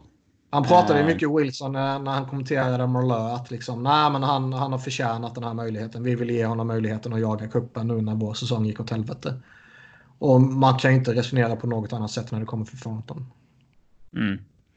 Det, det är jävligt, uh, jävligt trist att det inte blir någonting Man där. undrar ju om det här innebär att han kommer spela ett år till. Hoppas det. Eller bara Men han är ju inte, inte bra. alltså, det, spelmässigt, bara titta på det, alltså, det bör vara hans sista år. Ja, han är nästan en halv poäng per match. Ja, gjorde mål 3 och 4 för säsongen också häromdagen. Ja, I samma match var det väl. Ja. Men eh, alltså för en 40-åring är ju inte det dåligt. Nej, folk har lite skev uppfattning om vad uh, man kan förvänta sig av spelare som är 40 plus. Som kom från dubbla knäskador. ja. Men uh, man gör ju... Ja, vi kommer till Tampa sen, men att man lyckas sälja av Barkley Goodrow för ett första rundsval. Mm, jag tänkte ta den. Av. Barkley av. Goodrow och uh, ett tredje rundsval som tillhörde Philadelphia från början gick till Tampa Bay och till, uh, tillbaka så fick du Anthony Greco och ett 2020 första rundsval. Ja, det var kom... ju snack om att de ville ha en first rounder och vi sa att typ de har ingenting på rosten som syns rimligt att trada som kan ge first rounder. Och det står jag fast i. Ja, det står jag också fast i. Eh, men vi kommer till Tampa-perspektivet sen antar jag. Men ja, jättebra Doug Wilson att sälja av det. Det enda minuset är att han inte blev av med um, ehm, Thornton. Melke Karlsson är väl också, alltså vi pratar Jesper Fast. Ja, han var inte skadad innan. Jo, jag vet, men eventuellt kan man ju få något för honom. Ja, och... Uh... Dillon, har vi pratat något om honom förra avsnittet? Skedde det innan eller efter avsnittet? Men det var ju... Nej, det är ett bra utbyte. Ja, jag tror vi pratade om honom. Jag minns inte. Jag minns det heller, men... Mm. Och Kevin Bank måste vara nöjd med att han gav dem en superdiscount för att kunna göra en push det här året för övrigt. Ja. mm. Och sen har han inte haft en bra säsong själv heller, så nu kommer han ju få ett ännu sämre kontrakt rimligtvis. Ja, herregud. Tänk ja. på det själv i de där situationerna, för fan. Lite så.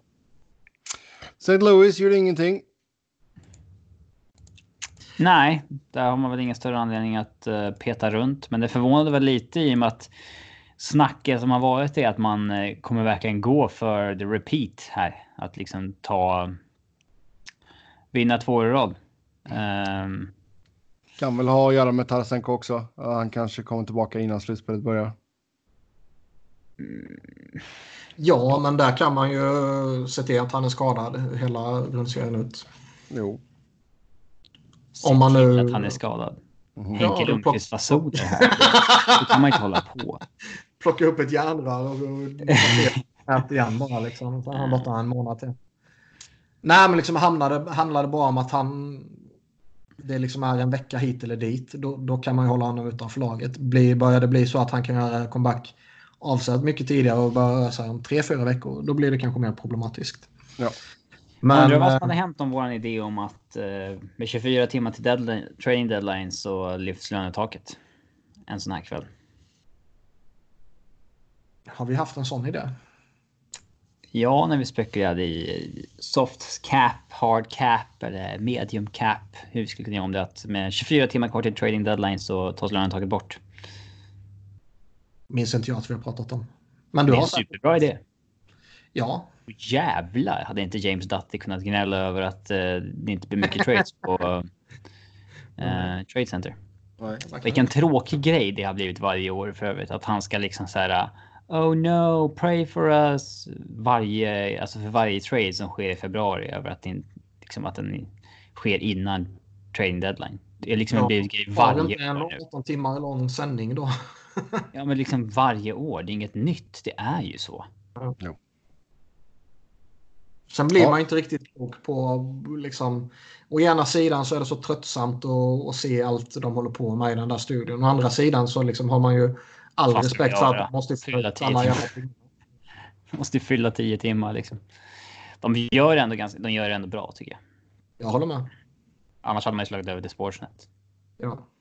Det var många som la upp så Vem tycker ni har bäst sändning? Sportsnet eller TSN? Sitter ni och kollar på bägge två eller hur? Ja.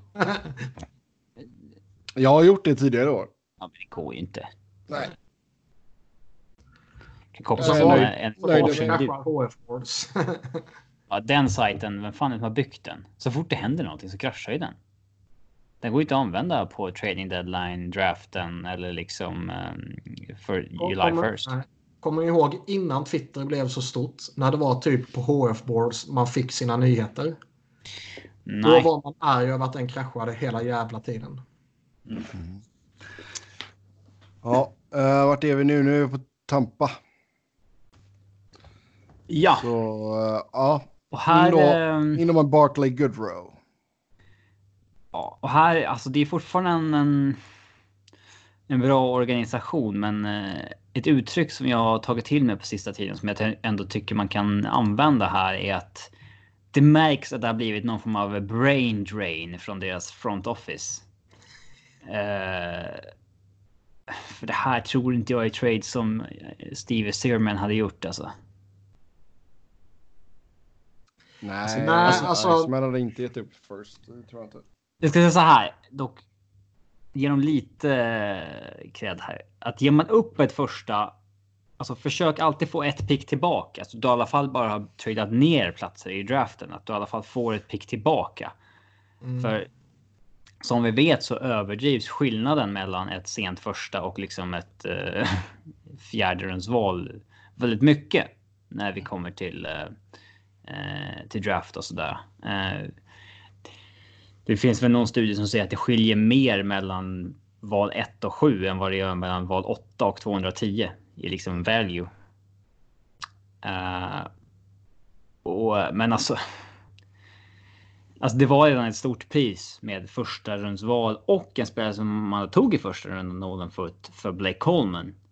Dessutom slänga upp ett till första rundsval för Barkley Goodrow som verkligen inte är något speciellt. Alltså. Och här sägs det då att nyckeln är.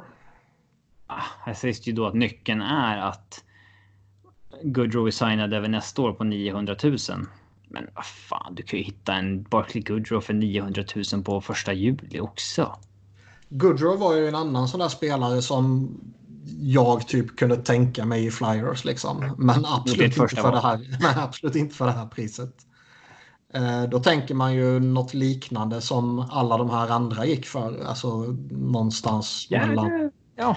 tredje, fjärde, femte val typ liksom. Mest pris liksom. Ja. Mm. Och, och nog för att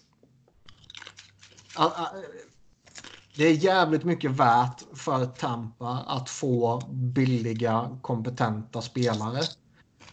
Eh, vilket man får i både Coleman och i Goodrow. Men... De har visat att de kan signa dem July first också, för det är en väldigt attraktiv klubb att gå ja, till. Ja, och förmodligen har de ytterligare någon jävel inom organisationen som bara väntar på att kliva upp och göra succé som de har haft nu i tio år i rad, känns det som. Ja, vem fan är den här Carter? Hur fan ska han efternamn uttalas? Verhaeg kanske, jag vet inte. Ja. Vem fan är han nu som har dykt upp och gjort massa poäng? Han är 24 ja. bast. Helt sjukt. Ja. Men, men ja, man, det finns ett värde i att få spelare signade på bra kontrakt. Men inte så här högt. Här. Han betalar för mycket. Ja, det är även för mycket för Coleman. Alltså det, han är ju en bra spelare och så här, men det borde varit one for one mot Nolan Foot. Eller liksom bara första rundsvalet. Det är Vancouvers dessutom. De kan ju gå åt helvete mm. här nu. Så det blir ett högt. Alltså det, ja. den tog vi lite förra veckan, men liksom ser vi de här traderna ihop så man betalar liksom i princip tre första val för Blake Coleman och Barkley Goodrow för att de är signade ett år till på mindre än tre miljoner tillsammans. Mm. Alltså så bra är det inte. Det... Och man vinner budgivningen på en back som fucking jävla Buffalo inte vill ha. Mm, man signar Zach Bogosian. Mm. 1,3 miljoner. Uh... Jag tycker liksom det, jag tycker ändå det är okej okay att peta in honom sådär. Han kan ge lite bra djup och man ger inte upp någonting för att få in honom liksom. Men uh, om han tjänar 1,3 miljoner eller 750 000 det är ju skitsamma eftersom det bara Nej, det är säsongen ut. Ja. Men det är ändå lite, lite, lite komiskt att den här sopan som Buffalo dumpar och som inte är tillräckligt bra för Buffalo står liksom jättemånga i kö för att signa upp.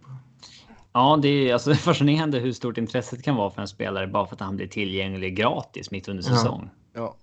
ja. Eh, det sades ju att de, Drege skrev ju att de som var eh, störst kon, ja, det stod mellan Carolina och Tampa i slutändan, men även att Pittsburgh och Colorado var där. Och det är fyra organisationer som anses ändå liksom, har gott anseende vad det gäller deras management just nu. Mm. Pittsburgh är väl sådär, men alltså det är ändå ingen kalanka organisation.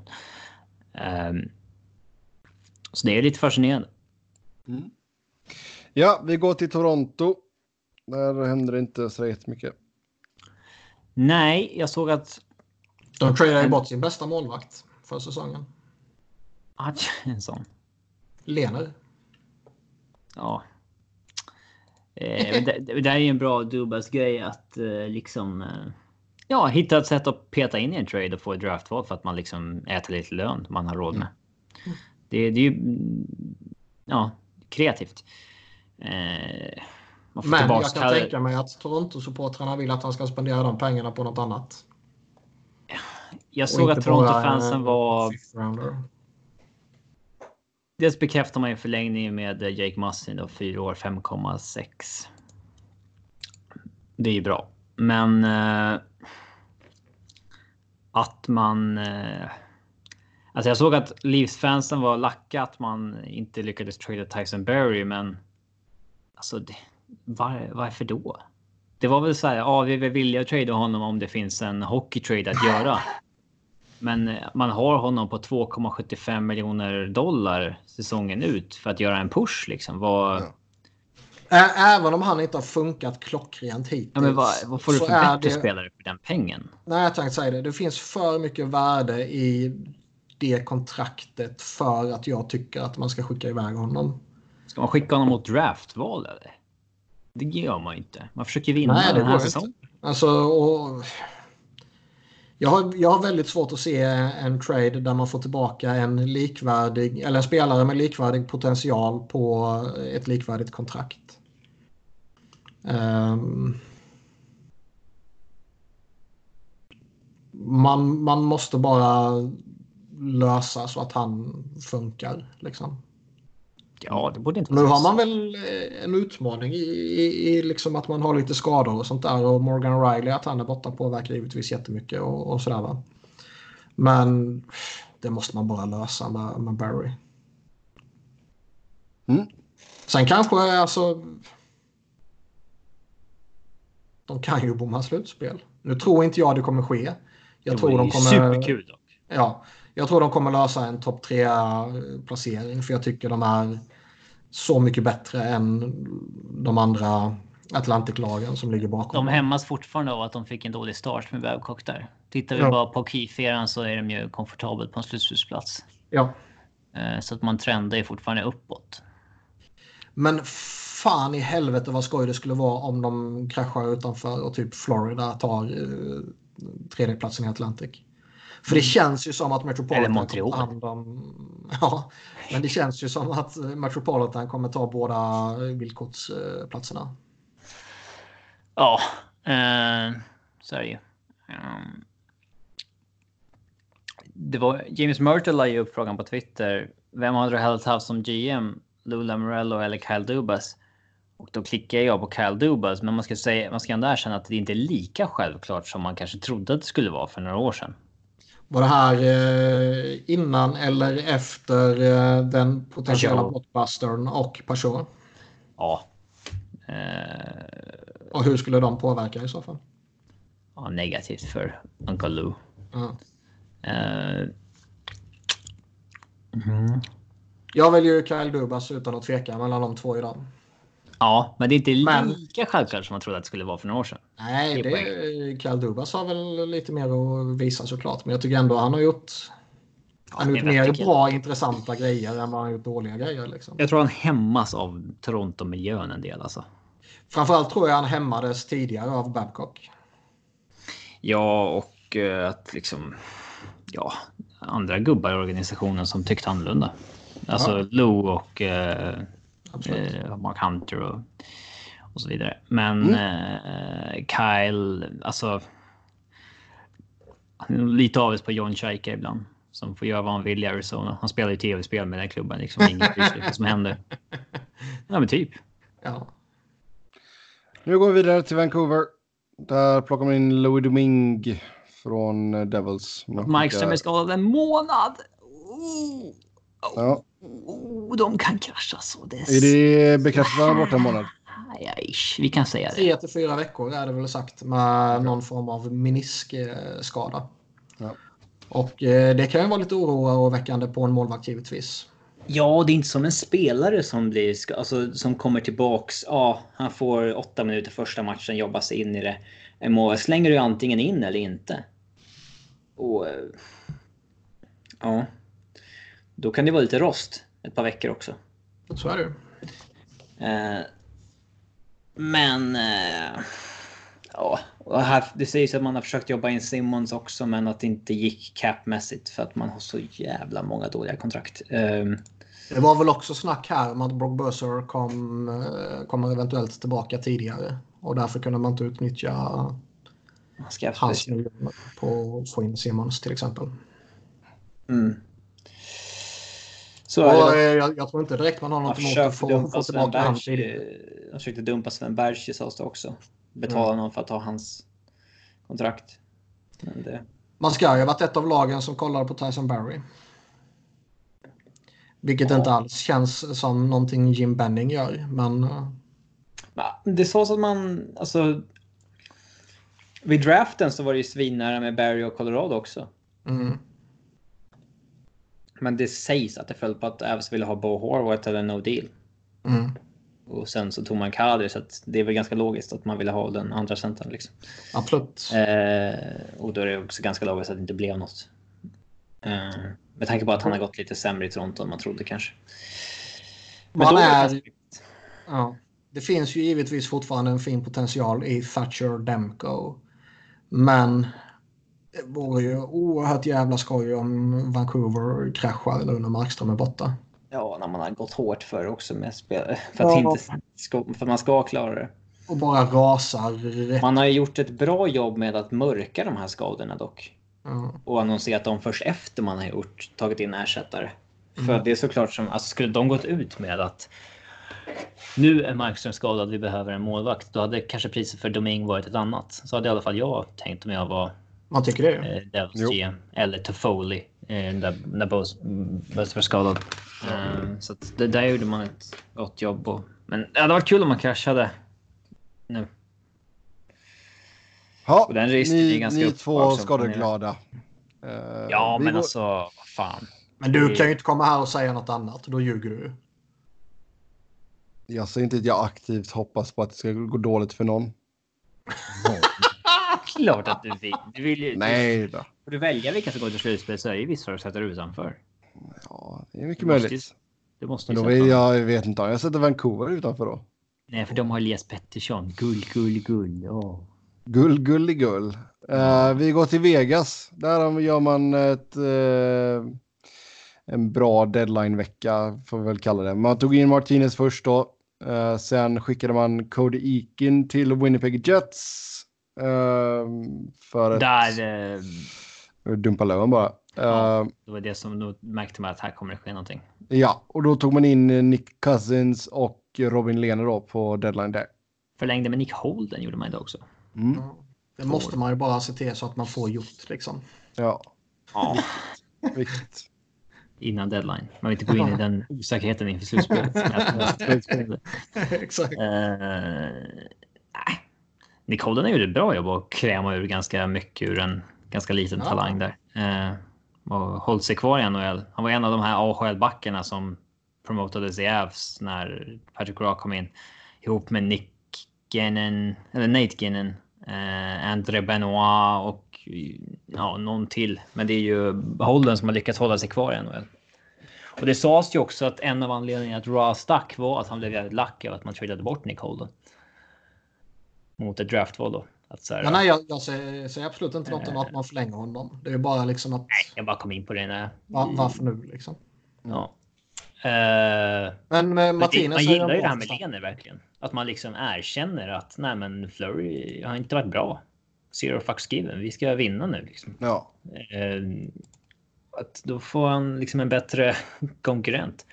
Uh, och uh, fan Flurry sa två år till på sju mille. Det kan bli ett problem alltså. Den här förlängningen kritiserade vi ju när den skedde också.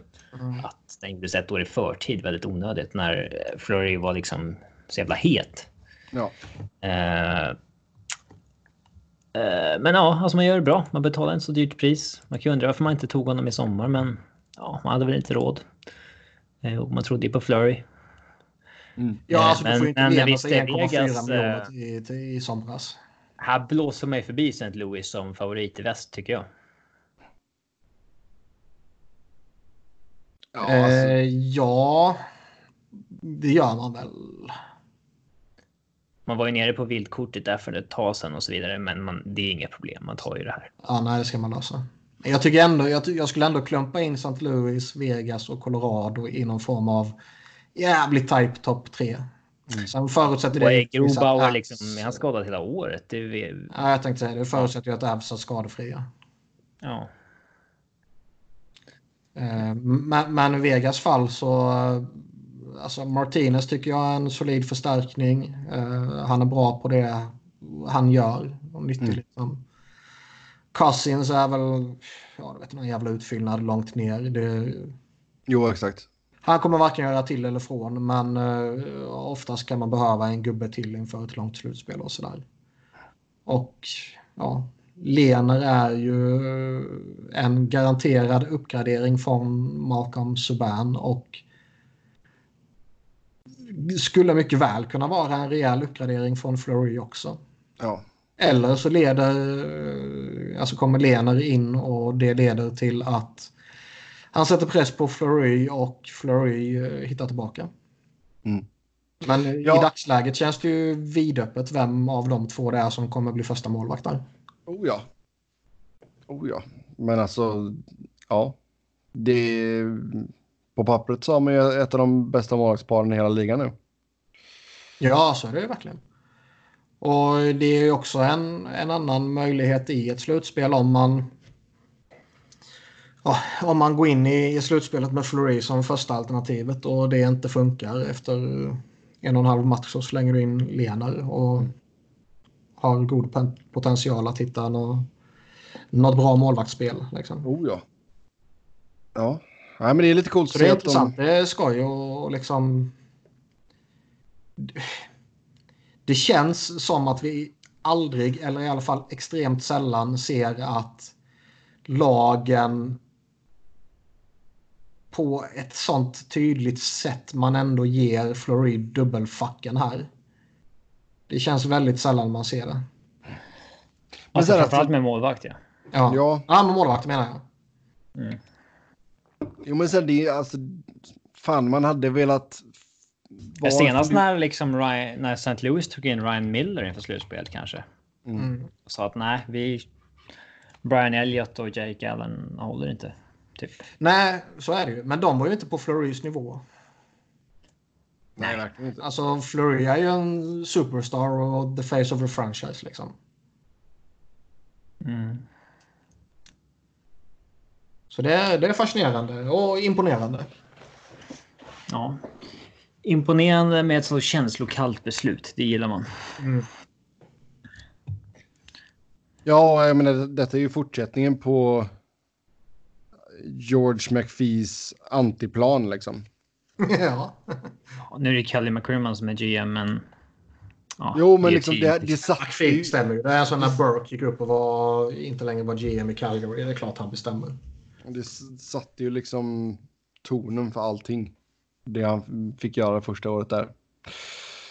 Mm. Så, nej men det är kul att se. Eh, vi tar och går vidare till Washington Capitals och eh, in då med... Pratade vi om Brendan Dillon? Ja, Nej, det och tidigare idag. jag tror fan inte vi hann med det förra Jag tror det kom det efter. Det gjorde vi visst. Nej. Gjorde vi det? Jag tror fan att det kom efter vi spelade. Jo, vi sa, vi sa vi att han skulle gå för exakt det här. Så gick han för exakt det här. Eh. Nej, nej. Då sa vi förra gången. Ja, men jag tror inte... Gjorde vi det? Ja, det kanske vi gjorde. Ja, skitsamma. Man plockade in Brendan Dillon i alla fall. Det har vi pratat om tydligen. Uh, fan nu nu säger jag Vegas har en spelare som heter jo. White Cloud. White ja. Cloud. Ja. Visste du mm. inte det? Nej. Kom, kom, igen nu, har du inte koll på deras uh, lineup? Uh, men i alla fall, in med Kowalczyk sent igår. Och sen Daniel Språng in idag. Ja, Kowalczyk är ju coolt som fan alltså. Ja. Så ja, ologiskt är... egentligen, men det är coolt som fan. Ja. Alltså, ska man få ut max av honom, då ska det ju vara ett lag som inte har Ovechkin i den redan i PP.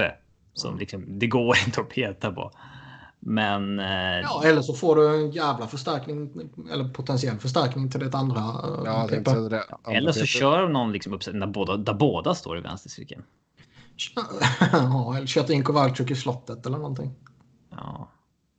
Jag skulle nog ställt Kowalczyk. Man har ju inte Kowalczyk på blå för där står John Carlson. Så kanske i högra, fast där står ju Bäckström, Bäckström och langar sina flippmackor genom zonen till eh, Nej, det är väl det. Han får väl stå i slottet helt enkelt. Vara beredd på den korta passen från uh, Beckis.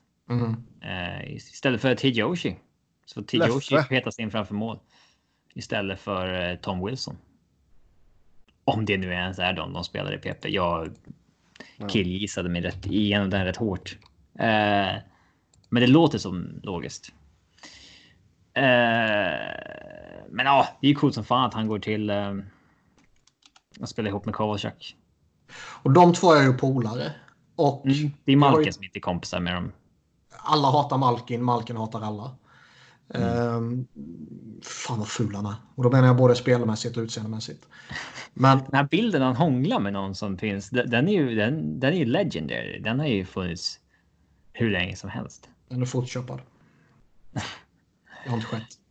Men, men eh, alltså, han är ju polare med Ovechkin och vi har ju flera gånger om tidigare pratat om den här faktorn att liksom lagen som redan har vunnit de går efter en, eh, en liksom veteran som jagar den där kuppen och så får man en extra boost av att spela för honom också.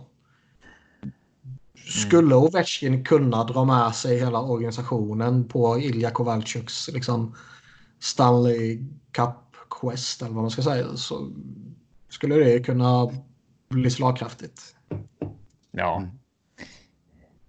Kuznetsov i PP2 ser det ut att bli. Det är ju nice. Ja. Ska vi se. Oj, Matthew Pekka debuterat för Sens här nu. Han kom efter eh, nedsläpp, men nu är han på bänken. det är fint. Ja. Ja, Såg första perioden i telefonen va? Ja, exakt. Han sitter i bilen på väg från flygplatsen och bara fan, fan, kör nu, kör nu. Tror yes. ni att han åkte en ja. Uber? ja. ja. So ja. where are you playing it? Ah, fucking Ottawa. ja. Uh, Gotta go where I'm say. I don't have ja. a say in it. Uh, ja. Winnipeg sista laget ut här. Man gjorde sin grej den 21 där med Koriken. Uh, var ju väl pyttelite snack om att något lag hade hört sig för om Dustin Bufflin, men det var tydligen mer tidigare i veckan.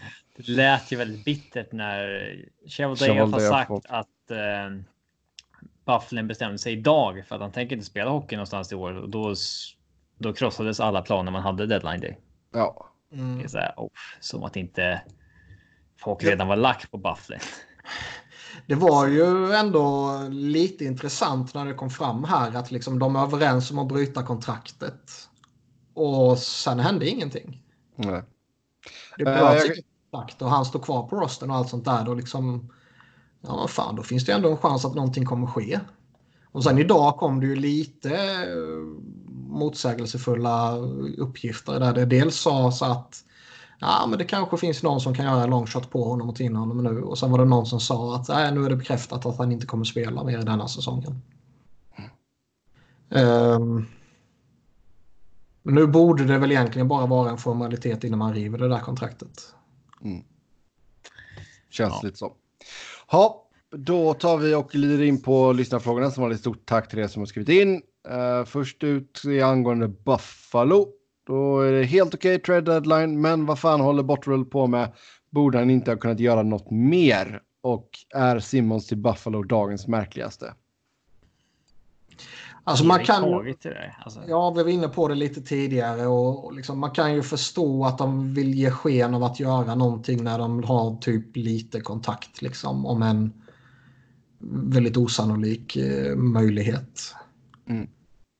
Sen samtidigt, som, sen samtidigt som har man väl fått den där lilla kontakten så och man redan har hela supporterbasen emot sig och typ fansen är redo att elda ner arenan. Har man väl fått kontakten eh, är det nog jävligt svårt att börja sälja av väldigt tydligt också. Ja. Men Simmons i Buffalo, ja den var konstig. Um... Han wavar no trade-klausul för att gå till Buffalo. Det skrev jag på Twitter i ett svar till en journalist. Då var det många Buffalo-fans som reagerade. Att så här, jag typ sa “Why would anyone do that?” liksom. Eh, han lämnar ju New Jersey, vilket också är en jävla ja, hål. Ja, men vad fan. Man, man bor ju på Manhattan. Ja, exakt. Och då vill folk säga “Men Manhattan är inte för allihop”. Okej, okay, jag kan då lova dig att... Jag kan lova att 99 av 100 gillar det. Ja. Eh, ja. Jo Inge Berget som spelade i Malmö FF såldes ju till eh, New York i MLS. Trivdes inte, flyttade tillbaka till Malmö. Det är nog den enda i hela världen då som eh, ja, man har i Malmö. Han, i... han räknas inte. Nej. Uh, ja, exakt. Men uh, ja, det är väl kanske lova en större roll eller någonting. Deras säsong är väl inte helt död på samma sätt som uh, New Jerseys i alla fall. Nej. Även om den är död ja. Uh, ja. Ja, Skulle han få sista 20 matcherna med Jack Eichel så kan det ge en boost till nästa kontrakt också. Ja, så här, han kan göra en 12 mål på 20 matcher eller något sånt där. Mm. Får han ett 4 gånger 4 av någon i sommar. Uff. Oh. Nästa fråga. Varför var Rangers så måna om att bli av med Skay nu? Dessutom leftare som de inte har så många av. Jag vet inte, man vill väl... Eh, alltså... Få någonting för... Alltså... Man är i fasen av att man... Eh,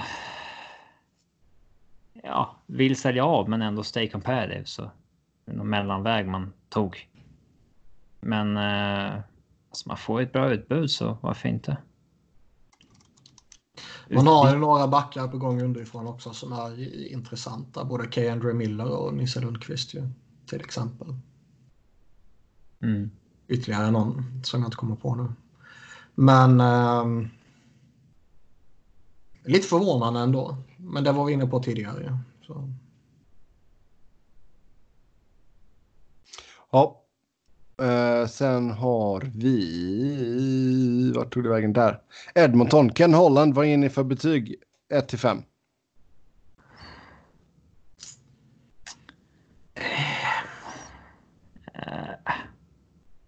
Tre och en halv. Tre och en halv, fyra, typ. Mm. Ja, han betalar ju eh, ganska dyrt, men alltså. Han har ju ärvt den där situationen. Det är inte han som ansvarar för den på något sätt. Mm. Och, eh, han har gjort en bra säsong. Så han... Mm. Mm. Uh, sen fick vi en fråga om Mike Green, men vi, ja, vi snackade om honom. Kan säga. Uh, Philadelphia, Niklas, hur tråkig dag var det för Flyers? Du sa att du var ganska nöjd ändå. Uh... Nej, men liksom om man inte fattar att man bara kan göra något roligt om man skickar iväg något roligt. Mm. Så finns det liksom ingenting att säga. Nej, och sen värvade ni Grant för att kunna stå upp mot de brutala spelarna i Blue Jackets. ja. ja. Ja. Det känns som att skulle det här varit för eh, x antal år sedan och det här skulle skett. Då skulle Flyers garanterat gått efter en goon. Eh, för att liksom, nej vi behöver den där spelaren liksom. Mm. Men nu är ju Chuck Fletcher och Alain Vigneault för smarta för det.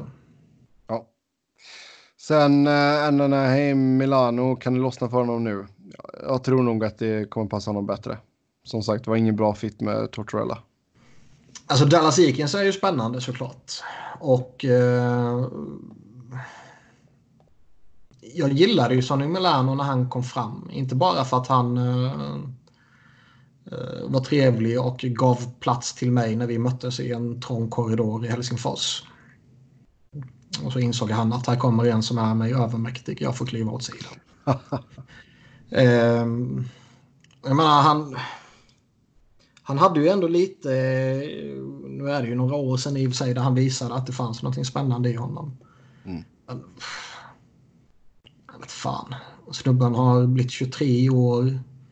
Alltså inte att det är kört eller för sent på något sätt, men man är ju skeptisk att det ska ta fart på allvar. Mm. Ja, och sen eh, vilket lag gjorde den bästa deadlinen? Kan jag lägga till vilket lag, lag som gjorde det värsta också? Alltså tar man till vilka priser man betalade så måste man ju säga Tampa. Värsta? Ja.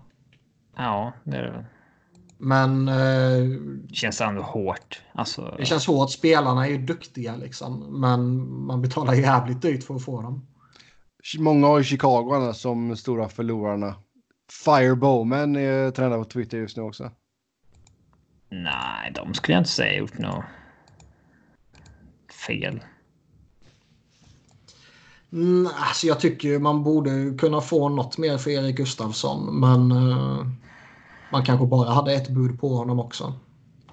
Mm. Och är man då inte sugna på att förlänga med honom så ja, då är det kanske bättre att ta en third rounder än att inte få någonting alls. Lener är ju... Målvaktsmarknaden är alltid svår som fan att resonera kring och som vi sa tidigare så alltså det är två organisationer som har gett upp om honom nu trots att han har varit jätteduktig. Det kanske är någonting som ligger där och bubblar. Eh,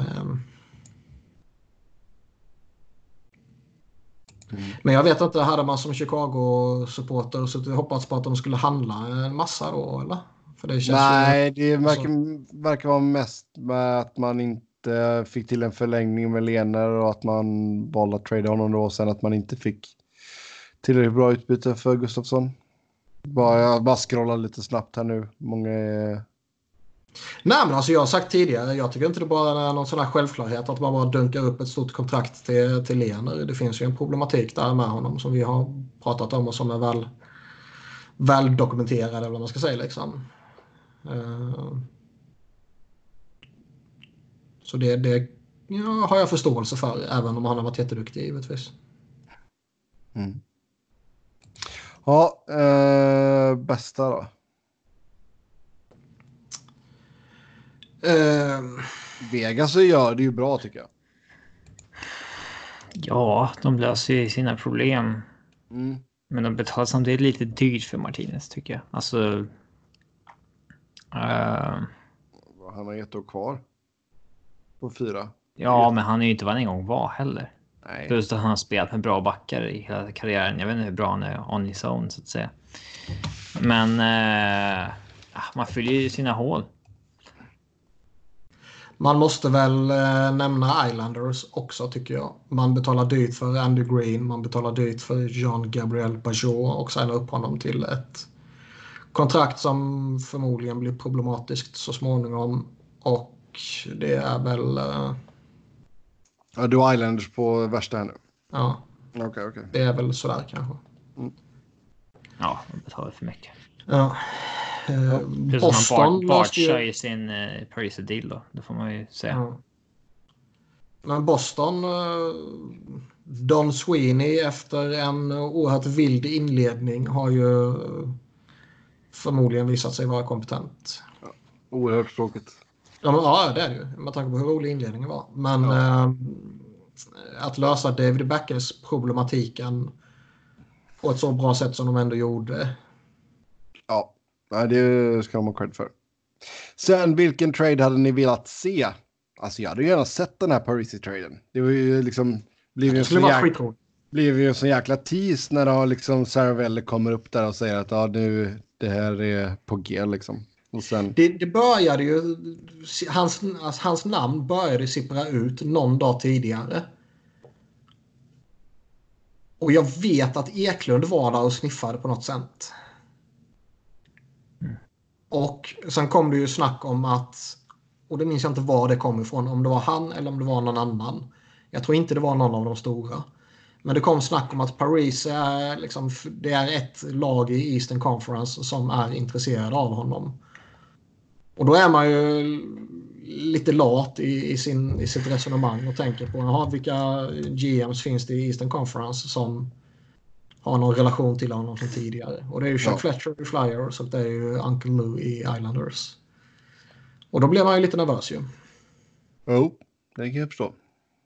Men eh, det var ju häftigt som fan när det kom upp där och sen så liksom fan hur ska det där funka och Sen slänger han upp några minuter senare Andrew Ladd i en ny tweet och då blev det faktiskt jävligt spännande.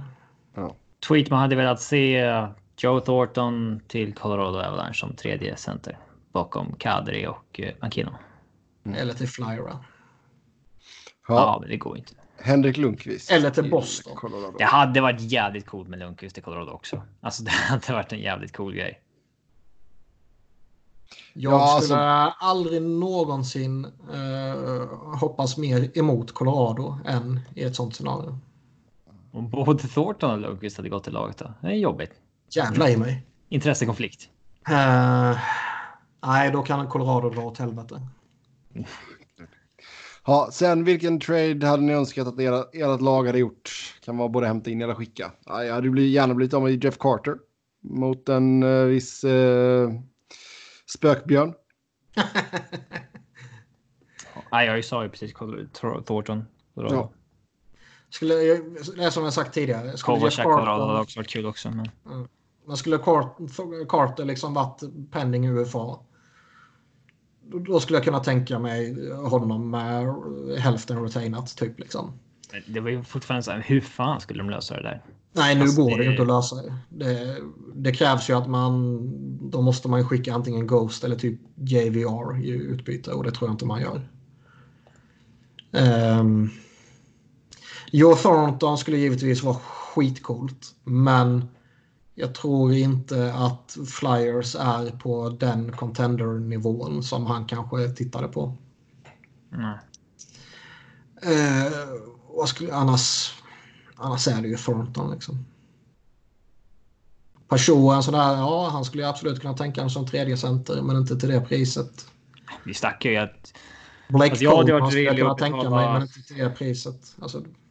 Ett rimligt pris för Peugeot hade varit second rounder och en B-level prospect typ. Typ. Och, och det skulle jag kunna betala. Signa tre år på 3,5 typ. typ.